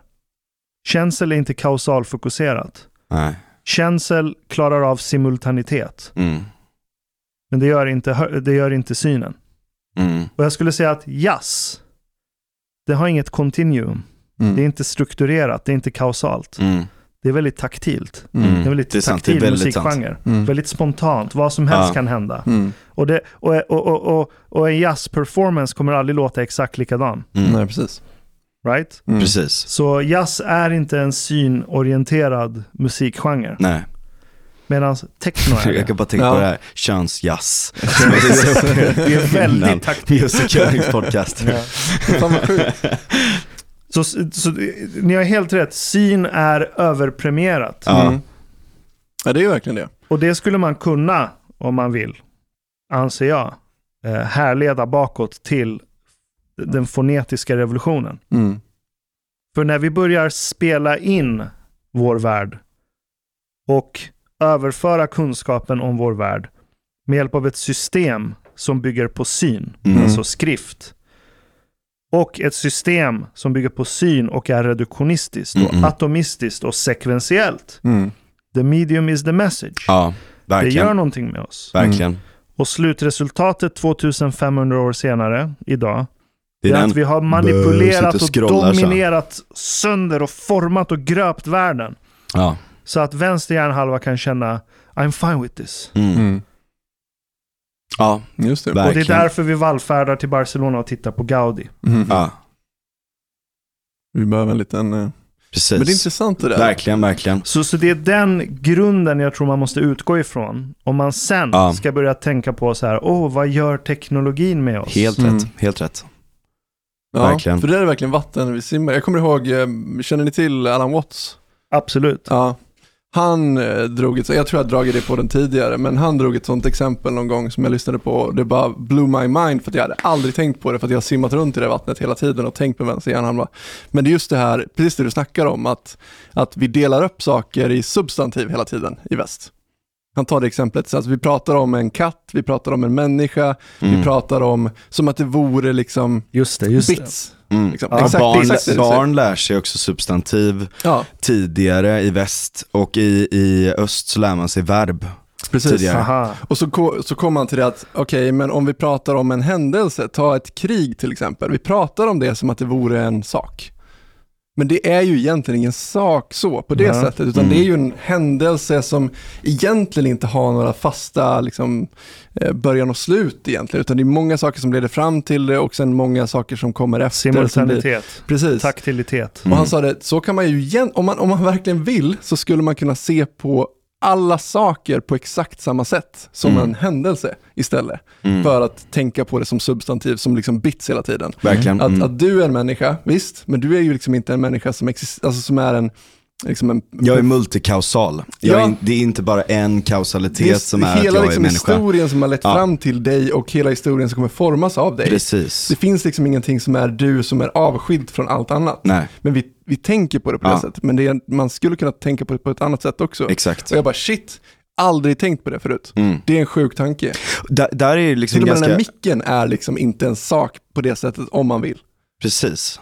Och, och d- där kan man ju tänka då att så här, okej, vad är våran religion, vare sig det är liksom om vi ser till kristendomen i sig eller om vi ser till eh, eh, postpro, eh, prots- postprotestantism som är liksom dagens ideologier i mångt och mycket, så är det ju att man är väldigt besatt av enskild kausalitet liksom. Det är Yes. Gud, det är den enskilda guden som är ansvarig för hela universums, alltså typ, jag satt och snackade med en jesuitpräst häromdagen, eh, som, så pratade vi om det här, bara, men okej men det här, det måste ju finnas Alltså den kausaliteten som är universum och det är Gud eller du vet sådana här saker. Och liksom, mm. Man är väldigt besatt vid den grejen att det inte kan, man, man vill liksom hitta, och det kanske är lite Platon där också, liksom, eh, one liksom och det här, eh, att den här liksom, ja, att det, det finns någon idé där att man vill liksom hitta den här eh, högsta formen, högsta idéformen eller högsta gudaformen eller högsta kausaliteten för olika saker. Liksom. Sen kan du bryta ner det i liksom,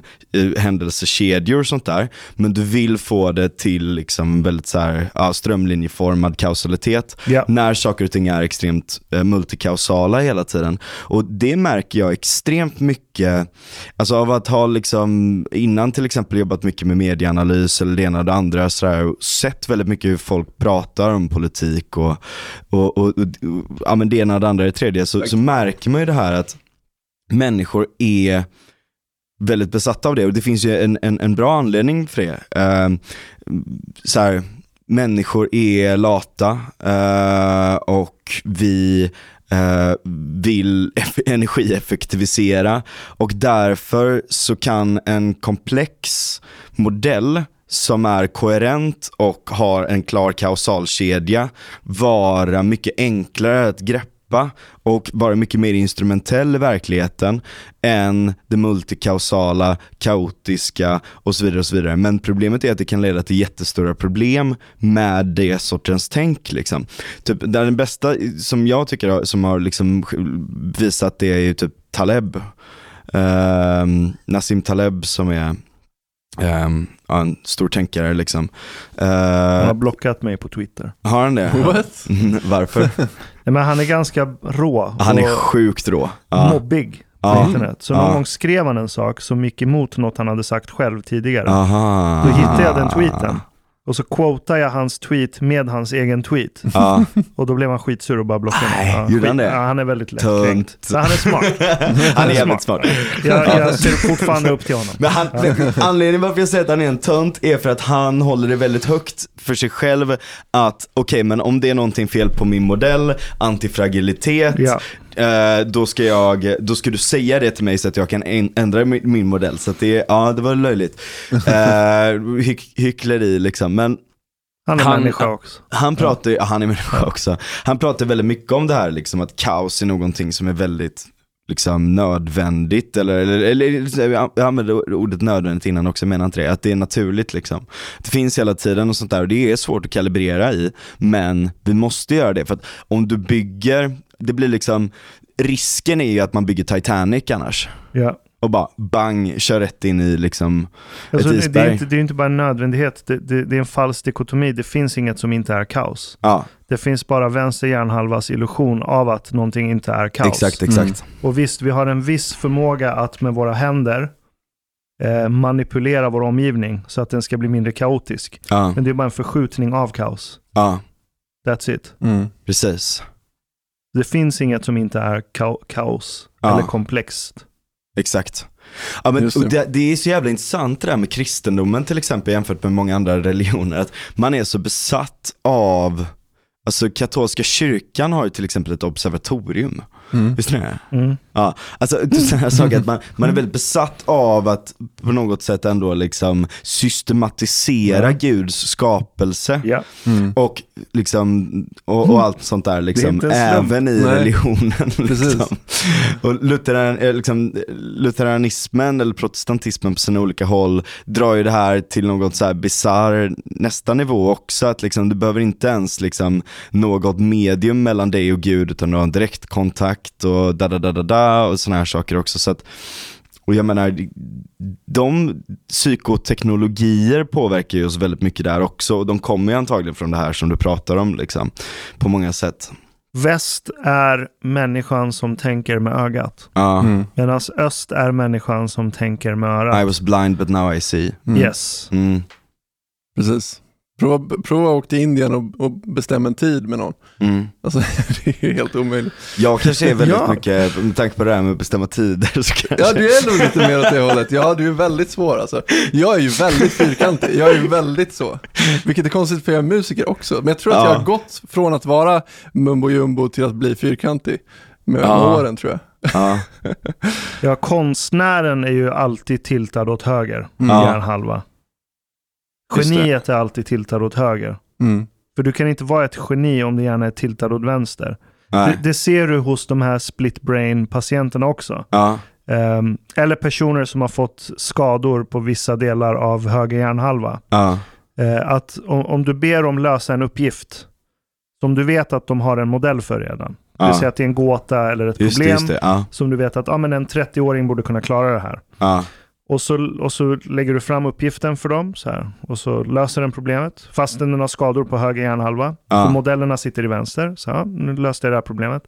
Sen modifierar du problemet lite, Ah, pyttelite. Ja. Ja. Så, så att den går precis utanför den här personens förut Mm. förlagrade Mm. modeller. Då kommer den applicera samma lösningsstrategi på problemet. Och så Mm. kommer den bli arg och frustrerad varför lösningen inte funkar. Mm. Och den kommer börja klaga på att det är fel på experimentet. det är inte fel på min modell. Så den har ingen förmåga att integrera någonting nytt och modifiera modellen. lå- Och där har du ju liksom så här den här dåliga chefen. Ja, ja, ja. Som aldrig fattar och bara gör exakt samma grej Eller dålig forskning Ja, eller dålig forskning. Dålig politik. Ja. ja, exakt. Mer resurser för fan, det kommer lösa sig. Ja, exakt. Och, och där geniet måste vara tiltad åt höger. I Ja. alla fall i dagens värld som är vänsterdominerad. Ja, men då är ju jag då höger. Ja, just det, såklart. Det är ingen garant för att man blir ett geni, men det är en förutsättning. Det är omvänd kassa, just det. Men, men när, ni nämner politik, alltså modern västerländsk neo-vänster-ideologi, Ja, det, det är ju också väldigt... tänker såhär woke-aktigt eller? Ja, men ta wo- wokeism som Ja. exempel. Det är Mm. också väldigt vänster hjärnhalva dominerat. Ja. Vilket är helt sjukt. Ja. För att jag, Ja. för tio år sedan såg jag det inte alls så. Men nu Nej, har det nej, blivit ja, men nu är det verkligen det. det? Neopronouns För- för det man som är en enhörning och det ena och det andra liksom. Ja, Ja, men- Alltså, när jag pluggade genus för tusen år sedan, så alltså, det man läser då är ju väldigt mycket mer en kritik mot liksom, det här Ja, ja. fyrkantiga tänkandet hela Ja, tiden. postmodernt. ja, Det, exakt. men det här är ju metamodernt. Precis, det här är någonting... ja, men sätt, kritiken liksom. mot fyrkantigt tänkande är fyrkantigt också. Ja, det är sant. Är det så? Ja. på många sätt så kan man ju säga det. För de Eller jag, jag ju... tänker att det har blivit det mer de Ja, senaste men typ tänk, tio du, du åren. vill, Strukturalism du vill, gå- till exempel, Du vill, det är gå in, extremt, du vill gå liksom. in med piller och kirurgisk kniv Ja, för att korrigera könet på en unge. ja. Där har du vänsterhjärnan som ska dominera och Exakt, forma och exakt. gröpa utifrån din världsbild. verkligen. Men var inte det, verkligen. är inte det eh, mer av ett, ett Fan, symptom har ni som... sett för övrigt de här bilderna när de skär loss skinn och du vet såna här... Nej, Nej men fan på barn, ja, jag blir helt, nu, vi får inte prata om det här för då kommer man ju, det är det sista man, Men är inte det man här... gör någon- om man pratar om de här grejerna. Men, Är inte det det är här. Det är är det här någonting som har växt fram mer de senaste typ tio åren? Jo, ja, var, jag, jag typ. upplevde inte att det var samma sak för tio år sedan. Jag tror Då just var det mer av det en med att göra det på kritik. barn liksom, så är det ju. Det kändes inte som att man kom med lösningar för tio år sedan. Utan nu känns det som att man vill korrigera och komma med lösningar på problemen. Men Ja. förr så var man duktigare på att komma med problemen och ställa frågor och vara mer problematiserande. Eller? Ja. Det, det kan vara min upplevelse av det, att jag tyckte att det var mer... Ja men jag, ja, men jag håller nog med, alltså lite den här hippie Ja, Alltså det var ju mer hippie innan. ja, exakt. vänstern. Och nu Mm. är den mycket mer sådär liksom, det, det, så väldigt mycket den här, som sagt, kausala kedjan av liksom den vite mannen, patriarkatet, Ja, det är väldigt mycket så. heteronormativa, bla bla bla bla där, Men det, kan är bara, vara en fortsättning på den här resan av kategorisering, reduktionism, Ja, exakt, exakt. atomisering. Mm. Ja, Det, det kan låta som att de försöker luckra upp det fyrkantiga, men vad de, det, deras approach är tvärtom extremt så fyrkantig. befäster Mm. de liksom, ja. Men det är ju Verkligen. mer den politiska vingen av det på något vis. Det, det, är ju- det, det är ju den som är fyrkantig. Det är Mm. ju den som vill styra utvecklingen och bestämma Ja. vad som ska vara. Mm. Men min, min upplevelse som sagt är att det kommer från en mer mumbo jumbo-idé. Eh, stämmer- Det kanske är jag som kommer från en mumbo men jag tror att- värld Alltså menar nu- du, menar Nu, du nu flummig blir när du fyrkant, fyrkantig där. Alltså det, det är ju liksom, vänstern är inte bara en tankeströmning. Nej, heller. Nej. det här är en tänka. liten del av vänstern jag syftar till just, Ja. med, eh, just med woke, Ja. så kallade woke Den är människor. ganska stor, eller det, det, har blivit, det har ju blivit någon form, alltså med tanke på att de använder sig av så mycket sociala hot och, och liksom att konsekvenserna av att inte hålla med är så höga och sånt där så har det ju blivit så att folk, det blir som en så slarvig katekes för folk liksom. Att så här, Ja, men det är BLM, ju den, den vänster... Ja. Det, det, det. Sådär, liksom. Eller du vet, ja, BLM, she, her, Ja. här är min Onlyfans, lalala. Men det, det här måste ju vara nya grejer. Nej, det är liksom, den här, det, det, det är ju liksom, eh, fo- folk liksom upprepar det som någon så här, ja, ja, ja men jag är troende, lalalala, och så går man vidare liksom. Men ta, det är väldigt ta, ta Judith. Butler Ja, till exempel. Mm. Eh, när jag läste henne, så var, alltså, den kritiken som, som hon kommer med är ju mer att så här, Ja, sluta tvärtom. ja. tänk på, på dikotomier, sluta tänk på att det finns män och kvinnor, det kan finnas Ja, men hon är inte så fyrkantig. Nej, exakt. Nej, det är hon inte. Och Nej, nej, det, var, det kanske är min bild av det, eftersom jag läste mer det för 10 plus år sedan. Ja. Och sen nu så, det enda jag ser av den världen är egentligen den här politiska delen av det. Yes. Eh, det kan vara det att det är min upplevelse som är gör att att, de jag tycker är, de, är, de, är, de, de, de är vänstertiltade. De Mm. som försöker tolka det här till någon sorts praktik. Exakt, Mm. precis. För då kommer de med den här dominerande, bestämmande, modellbyggande, reduktionistiska, atomiserande approachen. Mm. För att det också har varit, och det är ju lite en produkt av akademin liksom, Mm. att, man, att det har liksom legat och puttrat där skitlänge och hållit på Ja. liksom och sådär. Det, det har liksom blivit nästan som myndigheter som bara sitter och Exakt. utreder. Jag är liksom. god, du är ond, du Mm. Är poly, du är eh, asexuell, Ja, eh, du är den här kombon av bokstäver, HBTQ2AL+. ja. Det är reduktionism, det är atomisering. Mm. Mm. Det är det de håller på med. Mm. Och, och den, den, den, HBTQAI alltså plus, ja men det, det läggs ju till bokstäver hela tiden. Det är ju inte, det är inte uppluckring. Det är inte uppluckring. ja. Det är ytterligare atomisering. Ja, exakt, där du bara exakt. försöker hitta ännu fler Precis, ja, kategorier. men ta bara så här. de har ju den perfekta symbolen, regnbågsflaggan, spektrum, eh, alla är liksom olika, la la la la la, du vet sånt. Och sen så kommer de med den här, som bara helt plötsligt liksom så bara, Ja. så bara vänta vad är det som händer här? Så bara, så kommer de här jävla pilarna Ja, in just från det. ingenstans. Ja, du, är- du är Q? L och B, jag är H2R och du är. Exakt. Det är en autistisk regnbåge. Ja. Verkligen. Precis, det är, exakt, det är liksom autismen som bara kör in en kil bokstavligen i flaggan liksom. Det är det det är. Ja. Fan vad sjukt. Fan, jag kommer bli mördad efter det här. Men, men återigen, om, om, om man är mer vänstertiltad, alltså hjärnmässigt så att säga, det följer ju inte naturligt att man blir den här som vill styra och lägga allt till rätta, tänker jag. Utan, Du fostras till det i kulturen. ja exakt, för att det är ju en sak Eller att, av miljön fostras du också. Precis. För jag menar, jag tänker att det är en sak att kunna bryta ner saker till dess beståndsdelar och ha det synsättet. Och förstå till Det är exempel... inne på. jättevärdefullt. Ja, Det är sjukt värdefullt. Men att ha det och förstå till exempel det du ofta pratar om, eh, ett nätverk, det är Mm. ju ett sätt att bryta ner en, en hel kultur i beståndsdelar och förstå att ja, det är så här det hänger ihop på något vis. Liksom. Ja, Men det men det betyder är ju också inte ett att man- sätt att det blir multikausalt också. Ja, det det, finns en, nätverket, eh, en neurolog, tror jag att han är. Ehm, han heter Ian McGilchrist. Ja. Eh, och han skrev en bok 2012, tror jag, Mm. som heter The Master and His Emissary. Mm. Eh, och, och han är en av de första som har gjort den här kartläggningen Mm. av höger och vänster hjärnhalva och sen försökt liksom nosa lite på kulturella förändringar genom historien. Mm. Och hans poäng i den boken är att det är höger hjärnhalva som är the master.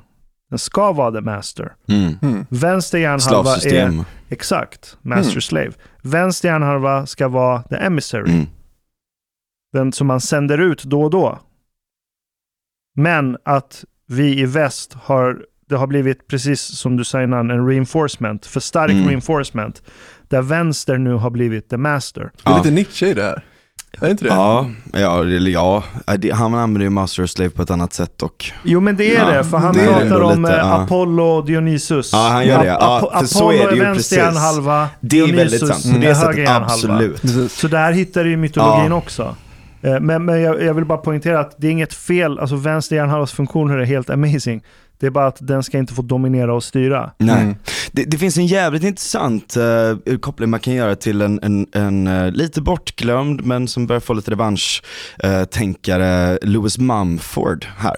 Som pratar till. om, nej, han har influerat jättemånga liksom. Eh, han, han har ett eh, koncept som han kallar megamaskinen, alltså kort och koncist, innan vi byggde fysiska maskiner så gjorde vi oss till maskiner.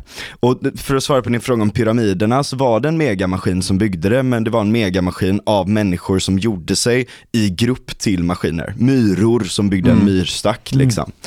Ehm, och, och där kan man ju koppla in height, man kan koppla in det som vi pratade om innan och sånt där också, liksom emergens och, så, och hive psychology. Men eh, det, det han menar är lite att eh, maskinen i sig får nästan ett, eh, alltså det blir liksom nästan, eh, den, den får en självförstärkande effekt och det blir nästan för maskinens skull som vi fortsätter göra vissa saker. Mm. Att den blir liksom eh, eh, själva, liksom, alltså den, den legitimerar sig själv, den blir anledningen till sig själv varför den måste fortsätta liksom.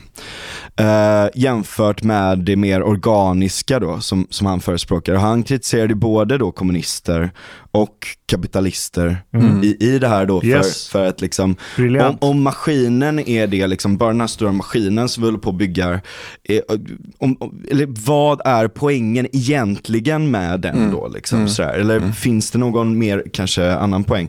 Och där kan man säga vissa s- så här, sociala sammanhang är mer organiska, eller vissa kulturer är mer organiska, vissa är mer mekaniska och sådär också. Men där kan man ju också, det är återigen liksom höger, vänster hjärnhalva, Mm. Apollon, Dionysus, Yes. och så vidare och så vidare. Så att det, där, det här är ju, uppenbarligen så har vi ju hittat någon form av jungiansk sweet spot här. Mm. Liksom kanske det mest fundamentala av alla liksom. Ja men det är ju en ständigt återkommande Ja. process Ja, genom historien. exakt. Och, och det, det här påminner lite om E.O. Wilson, Ja, eh, grundaren av sociobiologi. ja, eh, som var en av de första som tog strid med Richard Dawkins egentligen. Ja. De har haft en väldigt lång, eh, årtionden lång fight ja, Mm. kring om människan, människans genuppsättning har stöpts på individuell basis eller på gruppnivå. mm, För ja, men som myror till exempel, eller många myrarter i alla fall, bladskärarmyror till exempel. mm, Eh, alla som föds i stacken där, det är ju eh, tjejer. Eh, och de är systrar allihopa. Så alla arbetarmyror är systrar, de kan inte reproducera sig själva. Det är bara Mm. drottningen som kan reproducera sig. Och då och då så föds det en eh, manlig myra. mm. Säger man så? Hane? En hanmyra? inte en manlig myra. Manlig myra. En hane som, som har vingar. Mhm. Och den flyger till en Ah. annan stack eh, och har sex med drottningen där. Okej. Mm. Så, så generna, för, så när du tittar på olika myror i den här stacken, Ja, så här, vissa är små och väldigt flexibla och kan ta sig in i olika ut, trånga utrymmen. ja, Vissa andra myror har skitstora liksom, klor de kan slåss med och fightas med. ja. Så för blotta ögat, premierad syn för blotta ögat, Mm. eh, så ser det ut som att det här är 17 olika myrarter som bor i den här stacken. Men nej, de är syskon allihopa, det är Fan, exakt samma genpool. De har bara olika funktioner. ja. Eh, så, så den här myrartens genpool, den utvecklas och förändras på stacknivå. Ah, Inte på individuell myrnivå. Okej, ja. Så, så det är stacken som är organismen. Mm. Mm. Medan vår, vårt sätt att se, det ser ut som att det är individer som springer Mm, runt i stacken, mm, men det är stacken som organismen. Ja. Och vad E.O. Wilson egentligen försökte göra det är att allt som vi förklarat med fält som sociologi till Mm. exempel och beteendevetenskap och bla bla. Det bör gå att förklara med biologi. Vi Mm. vet bara inte tillräckligt mycket om biologi ännu. Ah, ja, ja. Och därav föds fältet sociobiologi. Ja. Att du bör kunna, du, du ska kunna förena sociologin med biologin. Du ska kunna förklara samhällsförlopp utifrån biologiska termer. Mm. Så det var hans mål. Och sen Mm. har han haft jättemycket mothugg etc. Bråkat Ja, med alltså Dawkins. folk blir skitsura. Jag, jag har läst lite om den här eh, grejen där. Alltså Mm. konflikterna runt det, även liksom runt evolutionär psykologi och sånt där också. Yes. Så det, det finns ju den här, för att problemet då blir ju lite den här bara så här, okej men har inte vi kontroll då? Nej, alltså då det blir har- det så här, nej, det har vi för inte. vi är så jävla kontrollberoende hela tiden, vänster hjärnhalva, Yes. lalala, allt sånt där Mm. liksom. Yes. Bara, Okej, så att jag har inte kontroll över liksom, ja. Det, det har vi inte, det har vi inte. Men Mm. han vann. Nu, nu, nu är det inte så många seriösa forskare som säger att vi inte alls har någon sorts gruppbiologi. exakt. Nu är inte människan som myran. Nej. Eh, utan vi, vi, våra gener stöps både på individnivå och på gruppnivå. Mm. Eh, Så det kallas för multilevel selection. Exakt. Eh, Men man kan se att man skulle kunna säga att det är stammen som organismen, Mm. inte individerna i stammen. För många gener överförs på stamnivå och inte på individnivå. Mm. Eh, för annars skulle du inte kunna förklara men varför, eh, varför har homosexualitet eh, fortsatt i genpoolen om homosexuella inte kan föröka sig eller Mm. inte vill föröka sig. Eh, för att ja, men har du den genen så gynnar det stammen på olika sätt. Mm. Det är Mm. därför den har fått följa med. Precis. Så på bekostnad av att vissa inte förökar sig så är fortfarande den genen bra att ha i stammen. Ja, exakt. Eh, men som sagt, det är inte bara en gen. Eh, det är en kombination av gener. Mm. Eh, så genen som kanske gör att, nu är det inte helt fastlagt om det är 100% genetiskt eller om det är miljö. Nej. Eller om det är en kombo av båda. Men liksom, du kan ha vissa genkluster som Mm. kan prediktera homosexualitet. Men som ändå inte gör dig homosexuell. Mm. Så den här genen hakar på ändå. Eh, fastän de som är homosexuella kanske inte förökar sig i stammen. Mm. Mm. Eh, så människan är en kombo. Det är multilevel. Så det är stammen som organismen. Mm. Eh, och precis som du säger, det är en megamaskin som bygger pyramiden. Eh, en nationalstat är ju som en sorts megamaskin Exakt, också exakt. på det sättet. Eh, så det är ju det vi människor är. Vi är megamaskiner av olika magnituder. Mm. Mm. Just Där det. den minsta är stammen egentligen. Mm. Ja, precis. Eller Mm. familjen möjligtvis. Som, men det är ju en senare konstruktion. Ja, fast det finns ju stammar som i sin tur delar upp sig i familjer etc. Ja. Det är rörigt. Jag tror Ja. inte det går att dra ett, Nej, precis. en enda röd tråd genom det. Ja, nej men exakt. Och sen så har du där har du ju också vissa traits. Alltså jag menar, det är klart att det finns, det är ju inte, här är också en sån dum grej när man pratar om genetik och man pratar om populationer och alla sådana här saker. Men du har ju skillnader mellan olika populationer och det kan dels vara bara rena förskjutningar på bell curves liksom, men det kan också vara bimodalt. Typ, ta, ta till exempel män och kvinnor, typ. Så här, varför har evolutionen selekterat för för ett visst, eller för, för vissa grejer då liksom. Då kan du säga att så här, män är ju generellt sett eh, eh, mycket mer volatila. Alltså att du har mycket fler eh, genier och jävligt många fler idioter. Ja, Just det. det Ehm, stämmer. Mm. Och där, där är det ju antagligen då fler idioter än vad det är genier och, också såklart. Liksom. Ehm, mm, beroende på hur, lite hur man mäter det sådär. Och sen så, och, och för, för att män är mer dispensable liksom. De kan, en man kan avla sig med väldigt många kvinnor, men kvinnor kan inte avla, avla sig med lika många män. För att det är en större risk, framförallt idag har vi en massa sjukvård och sånt där, men det är liksom generellt sett en ganska stor risk för en kvinna att bli gravid. Ja. Eh, också att typ bli lämnad ensam med barn och liksom det ena och det andra och sånt där. Liksom. Också generell liksom, selektion för kax och så också. Nej jag ska bara. nej men, eh,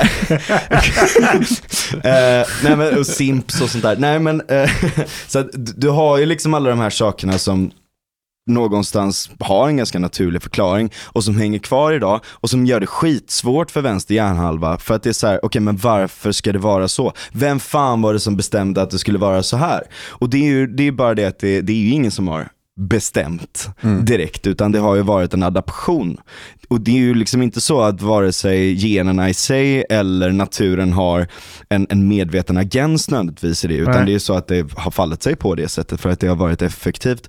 Och du ser liksom dels så här, du ser IQ-mässigt eh, så, så är män, liksom kvinnor generellt sett mer åt mitten liksom. De har en mycket så här brantare kurva mot mitten. Mm. De flesta är Färre idioter och färre genier. Ja precis, de Mm. flesta är ganska så normala sådär liksom. Mm, Ja, m- och även i riskbenägenhet så har du det också. Du har ju liksom riskbenägna idioter och det går inte så jävla bra för dem. Och då rensas de ur genpoolen och så har du riskbenägna genier som bara mm, ja, erövrar och, eh, eller skapar liksom fantastiska saker och allt sånt där liksom, och går jävligt bra för dem. Och det är jävligt orättvist liksom, för det är ju många män som, som så att säga inte vinner det genetiska lotteriet där och så. Det det, det är skitsegt liksom och det har inte riktigt kvinnor på samma sätt, kanske möjligtvis med utseende och lite sånt där och i viss mån intelligens och sånt också, men inte lika extremt som det är hos män heller. Mm. Liksom. Nej. Så att, Ehm, men sen kan du se det över andra populationer också, liksom mellan då, alltså om du har haft en stark effekt över tusentals år som har påverkat så har du mer starkare disposition, disposition åt ett visst håll. Du kanske till och med har, som vi har gjort i Sverige, varit extremt liksom, brutala mot brottslingar och rensat ut vissa sorters beteenden genom det och så vidare och så vidare. Så att där, det finns ju väldigt, väldigt många olika faktorer som leder fram till att vi har olika liksom, populationer. Det betyder inte att det är liksom fundamentalt annorlunda raser eller att det är liksom antingen så är det så här eller så är det så här om du kommer därifrån eller där. Men du har ju en skillnad mellan folk såklart. Och vissa beteenden selekteras för både genetiskt och socialt och så vidare, eller multilevel liksom. Ja, men ta Sverige som exempel. Det finns en studie från Lunds universitet Ja. eh, av en danska, Ann Bäck Knudsen heter Ja, hon. det är bara danskar som vågar göra sånt. Det- De det- ligger det- det högt på verkar vara riskbenägenhet. så, Mer ofta än sällan. Hennes eh, studie heter Those Who Stayed. Ja, Heter den. Eh, och då studerar hon demografin i Sverige under perioden där, jag kommer inte ihåg hur många det var som emigrerade till Amerika. USA, ja Det det. var väl Mm. 20% av befolkningen. Ja, det var hur många som helst Ja. ja. Och då försökte hon se om det finns något eh, mönster i vilka som stack och vilka som stannade. Mm. Därav titeln Those Who Stayed. Eh, och på något vänster så i, såg hon att det finns en väldigt tydlig diskrepans Mm. mellan vad människorna som stack har för typer av namn Mhm. jämfört med de som stannade. Okej. Och diskrepansen i namnen, det är att de som stack var människor som hade namn som ansågs väldigt udda och avantgarde och utstickande. Aha. Medan majoriteten av de som stannade hade väldigt vanliga normala namn. Oj, okej. Och enligt henne så är det här då en proxy Ja, för människor som vågar sticka ut och köra sin egen väg ja. och inte vara ett får i flocken. Det var mest de typerna av människor, människor med de dragen, som Ja. stack till USA. Medan Ah, de ja, som ja. gillar att bara vara i fåran, inte göra Och så de mycket som väsen stannade av sig. kvar röstade på sossarna så att de kom till makten sen. Precis, Ja, precis. sossarna bildades ju ungefär Ja. 40 år efter den där stora vågen. Ja, ja, ja. Ja, Och sen har ju Sverige varit väldigt... Jag tänker så här, Småland generellt sett, alltså folk är väldigt snåla, folk är väldigt så här hemmakära och ganska lugna så liksom. och amerikaner, not so much. Ja. Eller svenska amerikaner. Ja. Det är jävligt fascinerande. Det är och, och grejen är att så här, om, om man tänker att hela USA är fyllt med sådana personer också. Ja. Ja. Och Ja. hela Australien är en gammal prison colony också. Mm. Så kan man ju för, liksom, kanske förstå ett och annat i det också. Men sen är frågan om evolutionen har någon sorts supramekanism som vi inte kan se. Ja. Eh, där den ändå spottar ut en viss frekvens av variationer. Så Ja, ja. att det jämnar ut precis, sig. Jag det vet har den ju. inte. Ja. Mm. Ja men det har den ju, men å andra sidan så om du, alltså det, det är ju lite också var man börjar ifrån. Alltså om du har en genpool som är väldigt, väldigt draget åt ett visst beteende så kan ju liksom de här variationerna bara gå, eller de, de, de har ju så att säga en anchor i någonting som är kanske normalfördelningen liksom. Men är det också DNA eller är det metylering, alltså miljöfaktorer? Ja det är det ju också Det vet jag inte. Ja. Eh, men, men ja, din observation går att se. Mm. Att befolkningar kan förändras beroende på olika selektionstryck push Ja. och pull-faktorer. Just det, precis. Där ja, men drömmen om Amerika var en pull-faktor. Mm. Ja. Eh, men sen om det är det som är anledningen till att Sverige är konformistiskt, who the fuck knows. Nej, precis, precis. Men det är en intressant take. Ja, verkligen, verkligen. Hmm. Aldrig kopplat ihop de, de två Men, grejerna. men, men, men det här med megamaskin och att till slut så opererar maskinen bara för att du, du formulerade det väldigt Nej, bra. men sin att, egen skull. för sitt eget syfte. Ja, Mm. exakt, exakt. Självtjänande på något sätt. Självtjänande, exakt. Ja. Och det är ju en återkommande, ett återkommande mönster Ja, i mänsklig historia. Mm. verkligen. Och, ja, men ta företag som exempel. Ja. Företag blir ju väldigt snabbt. Det tar, vad tar det, 20 år liksom. Ja, Eh, ibland kortare, ibland lite längre. Tills att de som jobbar på företaget, liksom, de har inte ens någon koppling. Deras, vad de gör på dagen, de kan inte ens se effekten av det. mm. För att det har bara blivit en gigantisk megamaskin som Mm. är självtjänande. Och människorna som sitter där är väldigt bortkopplade från den här maskinens egentliga mål. Mm. Så målet var att bygga pyramiden så är det ingen som ser pyramiden längre. Det är ingen Mm. som fattar vad ens bidrag leder till överhuvudtaget. Precis. Louis Mumford skriver det här efter Marx också kan tilläggas. Ja, men jag tror Ja. det är det Marx var inne på. Precis. Eh, alienation. Han är ju, det är ju den ja, känslan. precis, han är Det ju så vad gör jag här? Mm. Vad är mitt syfte? Vem fan är jag ens? Mm. Alltså du kan bli jävligt nedbruten. Ja, ja, verkligen, Ja, det är det verkligen. vi kallar för utbrändhet. När du är på en arbetsplats och inte vet Mm. vad fan du gör egentligen. Man blir ju sjuk av det. Du Mm. blir psykiskt sjuk av det. Det är inte friskt. Eh, Men också... ja, Men där är ju, hela vårt system är ju också, alltså som, som det har byggts upp i Sverige, är ju rustat för att du ska vara kvar på samma ställe och ha en trygghet Ja, där. verkligen. Yes. Inte kunna bli sparkad, Mm, jada jada mm, jada. mm. Vilket också gör att det blir svårare att få ett nytt jobb och så vidare Mm. också. Ja.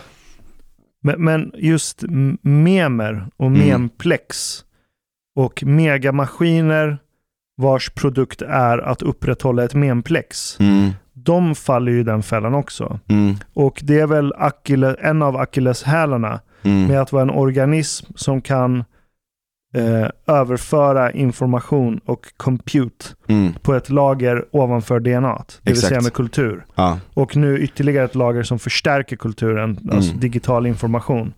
Eh, så och ytterligare ett lager med AI som kan tolka det och sen agera självt också. ja, ja. Ja. Och, och, och där religion är ju ett bra exempel på det. Mm. Att många religioner som släpar med fortfarande idag, det är att det är megamaskiner som är självtjänande. Mm. För religionens syfte, det är att hjälpa människorna som har anammat religionen Mm. att kunna relatera till sin omgivning och navigera sin omgivning. Mm. Och då tänker jag så här att om vi nu på 2500 år, där vi började tänka med ögonen Mm. och hela tiden mer och mer tilta vår världsuppfattning till vänster hjärnhalvas premisser och därmed blivit vad jag anser milt schizofrena Mm. som civilisation. Och så har vi byggt institutioner, vi har byggt lagar, vi har byggt system på system på system Mm. som är egentligen lämpade för en civilisation som är tiltad åt vänster hjärnhalva. För att allt det här bygger egentligen på fonetisk skrift Mm. som kickar igång hela den här processen Mm. och alla reinforcements i systemen av system av system Mm. i den här processen. Mm. Eh, och så tar vi skriften då, som är vad McLuhan kallar för ett varmt medium. Mm. Varmt medium i det att det är sekventiellt, det är linjärt, eh, det är inte många sinnen som är involverade. Det är max ett eller två sinnen. Mm. Skriftens fall, synen Mm. enbart. Mm. Ehm, och så bygger vi en civilisation på det varma, heta mediet skrift. Och att du gör det individuellt. Mm. Du, du kan inte ta in skrift samtidigt som du socialiserar med andra. Det är en Mm. isolerande aktivitet. Mm. Mm. Och så har vi byggt en hel civilisation i 2500 år på det här. Mm. Bam! I det här systemet föds ett nytt system som vi kallar för internet. Mm. Och internet, internets natur skiljer ju sig avsevärt från skrift. Mm. Det är vad McLuhan skulle kalla för ett svalt medium, ett kallt medium. Det är flera sinnen involverade samtidigt. Det är inte sekventiellt och linjärt. Det är Nej. kaotiskt som Ja. i helvete. Mm. Extremt oförutsägbart. Verkligen. Och den har utrymme för icke-isolerande aktiviteter. Mm. Socialitet är inbyggt i dess natur. Mm. Så vad händer med en civilisation och kultur som i 2500 år har optimerats för sekventialitet? Ja, det är sant. Ja. Och så, kommer, och så byter Mm. vi ut vårt vatten, ett Mm. varmt skriftvatten, mot ett iskallt digitalt internetvatten. Mm. Mm. Hur fan överlever vi det systemet? ja, det är en jävligt bra fråga. Mm. Hur kan vänster hjärnhalva ha en chans i internetvattnet? Mm. Jag tror att det finns en, en grej som, som faktiskt, om vi tar upp Taleb igen då liksom, här, kortsiktig jämfört med långsiktig stabilitet eller volatilitet liksom. Att ett stort problem med det systemet som vi byggde upp där liksom, under 2500 år, är att det är robust men det, det är inte bra på att ta smällar nödvändigtvis. Liksom. Alltså, eller jag menar, eller smällar gör det inte starkare. Liksom. Eh, visst, ekonomin har kunnat vara ganska fri under vissa perioder, men sen har vi liksom skapat robusthet runt allt sånt där. Liksom, vilket har lett till en jävla massa andra problem och sånt där också. En sak som kanske är bra när vi växer upp nu, det är att det blir en kortsiktig vol- volatilitet som kanske blir så kaotisk att vi inte kommer kunna klara av det för att vi slår ihjäl varandra. Ungefär vad som hände liksom så här, lite under Gutenbergspressen, fast det här är så mycket Ja. mer som du säger för att det är, så, an, det är en sån annan sinnlighet i det. Liksom. Ehm, men, men liksom att om vi klarar oss förbi den här perioden av kaos just nu så kanske vi blir mer antifragila sen. Det vill säga att vi kan liksom ta småstötar och bli starkare av dem som immunsystemet blir, som liksom olika evolutionära varelser blir och så vidare och så vidare också. Så att det kanske finns någonting bra i att liksom Dionysus återvänder eller att Baal återvänder på det sättet liksom för att vi har blivit så fruktansvärt apollyanska. Möjligtvis. Och det är väl det som är vad Vervecke försöker sätta fingret på. Exakt, The meaning crisis. precis. Det är skiftet Mm. från sekventiell, ett sekventiellt vatten till ett kaotiskt vatten igen. Mm. Mm. Och innan var det tvärtom kan man säga. Från, Yes, ja, yes. Vi gick från kaosal, nej, ka- ka- kaotiskt, en ja, kaotisk värld vi, ja. till en sekventiell värld. Precis, precis. Ja, Och, och, och, och det är där jag blir både optimistisk och orolig samtidigt. För Ja. att ja, men varje gång västvärlden har stött på en isolerad ursprungsstam ja. som aldrig haft kontakt med civilisation förut, så vill ju västmänniskor hjälpa till och säga titta på de här stackars primitiva människorna, oj Mm. oj oj vad synd Mm. om dem. Eh, vi, nu ska vi lära dem läsa och skriva. Mm. Eh, och vad, vad alfabet gör med de här människorna är att det slår sönder deras samhälle. Mm. För att alfabet gör att hierarkierna i deras samhälle kommer förändras. Mm. För med alfabet kan de bygga helt, an- de kan effektivisera saker på ett helt annat sätt. De kan Mm. bygga saker på ett helt annat sätt. Vilket gör att deras gamla hierarkier bryts sönder. Mm. Så tittar du på ursprungsbefolkningar som har integrerats in i väst. eh, De har stora problem med alkoholism, Mm. drogmissbruk, Mm. Eh, asocialitet. Det är väldigt många av dem det inte går så bra för längre. Nej, för du har precis. pajat deras kultur. Ja. Mm. Så det där är ju en mikroversion Mm. av vad som händer när ett samhälle skiftar i temperatur av Exakt, det informationsmedie de badar i. Ja. Just det. Det blir trauma. Mm. Extremt traumatiskt. Mm. Exakt. Och det tar väldigt, väldigt lång tid för dem att komma tillbaka på benen igen. Om Precis. de ens överlever traumat. Och jag tror väst kommer stå inför ett sånt trauma. Mm. Medan andra kulturer och folk som inte har fonetiskt, sekventiellt, reduktionistiskt, atomistiskt tänk ända ner i ryggraden. Mm. De kommer nog kunna anamma internet på ett helt annat sätt. Mm. Mm. För för dem är det naturligt vatten. Ja, Just det. just det. Ja, det är sant. Så frågan är hur vi i väst ska kunna absorbera det här traumat. Ja. Och än så länge har inte jag sett några bra förslag på det. Nej. Vi har typ precis bara vaknat upp och insett att fuck, vi befinner oss i en meningskris. Exakt, Mm. exakt. Eh, och, och det är där jag blev lite besviken ska jag inte säga, men jag saknade McLuhan i John Verveckis Mm, föreläsningsserie. mm, Jag skulle vilja påstå att McLuhan har egentligen omedvetet profetiskt förutspått det här. mm, Att det är meningskris som står och väntar mm. på andra sidan kullen. Precis. Och meningskrisen, Vervecki kommer åt det lite grann Ja, när han pratar om ja, men flow och shamanism och går Mm. igenom all tang- idéhistoria här i väst. exakt. Men att vad som egentligen händer under huven, det är att vi har bytt ut ett varmt skriftvatten mot Ja. ett kallt, kaotiskt, icke-linjärt internetvatten. Ja, precis, Mm. precis. Det är grunden till meningskrisen. Jag tycker man ser det så jävla tydligt i eh, valet just nu. Det känns som att, Tycker du det? ja, men det känns som att politiken är död. Mm. Alltså ideologin, de liksom stora ideologierna som efterträdde Gud, de är döda sedan länge på många sätt liksom. Just i liksom den här starka tron till det Mm. liksom. Det finns ju liksom inga seriösa kommunister idag. Alltså det är bara folk som lajvar typ, eller krampaktigt håller fast i någonting. Ja. Liksom med många religioner också, att folk krampaktigt håller fast i. De måste bli extremistiska och överdriva det för att det ska vara på riktigt. Liksom. Eh, och jag tycker att mycket, mycket av det känns med politiken också, liksom, att det är den här Mm.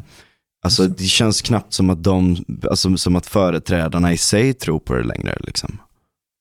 Och det är därför det var väldigt solklart att det Jordan Peterson till exempel hade att erbjuda, Ja, det är inte lämpat för en meningskris nej, som handlar om att lämna sekventialitet. mm, För alla hans modeller och diagnoser för problemet med världen idag och problemet med män och bla bla, det bygger fortfarande på det här sekventiella just det, tänket. just det. Ja. Vi är så jävla starkt formade av det. Mm. Men det är också ett, alltså på sätt och vis är det ett operativsystem som fungerar för vissa människor. Så här. Du kan ju ha liksom ett lo- lokalt maximum som ändå är så här hållbart. Liksom. Men frågan är hur länge det är hållbart Mm. tills det liksom ändå blir så här, my life is a lie. Ingenting är meningsfullt och så blir det nihilism eller liksom extremism som någon form av försök till botemedel. Kolla liksom, jävligt många unga män till exempel som, som drar sig åt ganska så här kraftigt högerut eller liksom kraftigt åt liksom mer och mer extrema saker och sånt för att liksom bara så här greppa efter någonting Ja. liksom sådär. I det där som, som känns meningsfullt liksom. Också för att man är så jävla besatt av att det ska komma uppifrån och att det ska vara liksom ehm, liksom kausaliteten enkelt, Yes. liksom eh, koherent sådär också. Men, men liksom, där behöver vi fostra det där liksom. Det är därför man kanske behöver läsa Nietzsche igen. Eller liksom. Mm. Det är kanske är därför man behöver väcka upp det där, att liksom, vad är egentligen en värld som är lite mer kaotisk? Hur kan vi bevara de sakerna som är bra från det strukturerade? Hur kan vi få liksom, en syntes mellan, och det är egentligen det som Nietzsche säger också, liksom, hans slutsats är att vi behöver en balans mellan Apollon och Dionysus. Ja. Taleb säger det också. Eh, och det, det, det behövs ju liksom, en, vi behöver balansera dem lite mot varandra och låta båda få hitta sina platser och sånt där liksom, eller folk får hitta sina platser i dem och sånt också liksom. Men efter att ha un, undantryckt det dionysiska så jävla länge så blir det som att det liksom har växt sig runt liksom, in under asfalten och upp ur den liksom och bara så här och nu bara exploderar det i någon form av liksom spormoln som bara inte riktigt vet vad det ska liksom. Ogräs överallt liksom. Och så vet vi inte riktigt hur vi ska, folk går runt med liksom gräsklippare och tror att det funkar liksom. många Ja, men meta, många metaforer på rad nu, men ni fattar ja. vad jag menar. Alltså det, och, och det är liksom, vi kan ju inte bara gå runt så, utan någonstans måste vi inse att så här, djungeln är tillbaka lite. Mm. Det är den. Ja. Ja, hur länge, nu har vi pratat i all evighet va? Två timmar typ. Shit. Vem är det som brukar sitta på den här platsen? Mm, Mustafa Ja, okej. Mm. och Omar. Ja. Jag tänkte nästan det, du, du sa att den var väldigt eh, hårt eh, Ja, skruvad. är Mustafa mer av en sån som skruvar åt saker hårt? ja, är han ju nervös polis. av sig? Nej, han är inte nervös. Nej. Nej. Han är ju polis. Det är ingen som är nervös. Nej. Nej.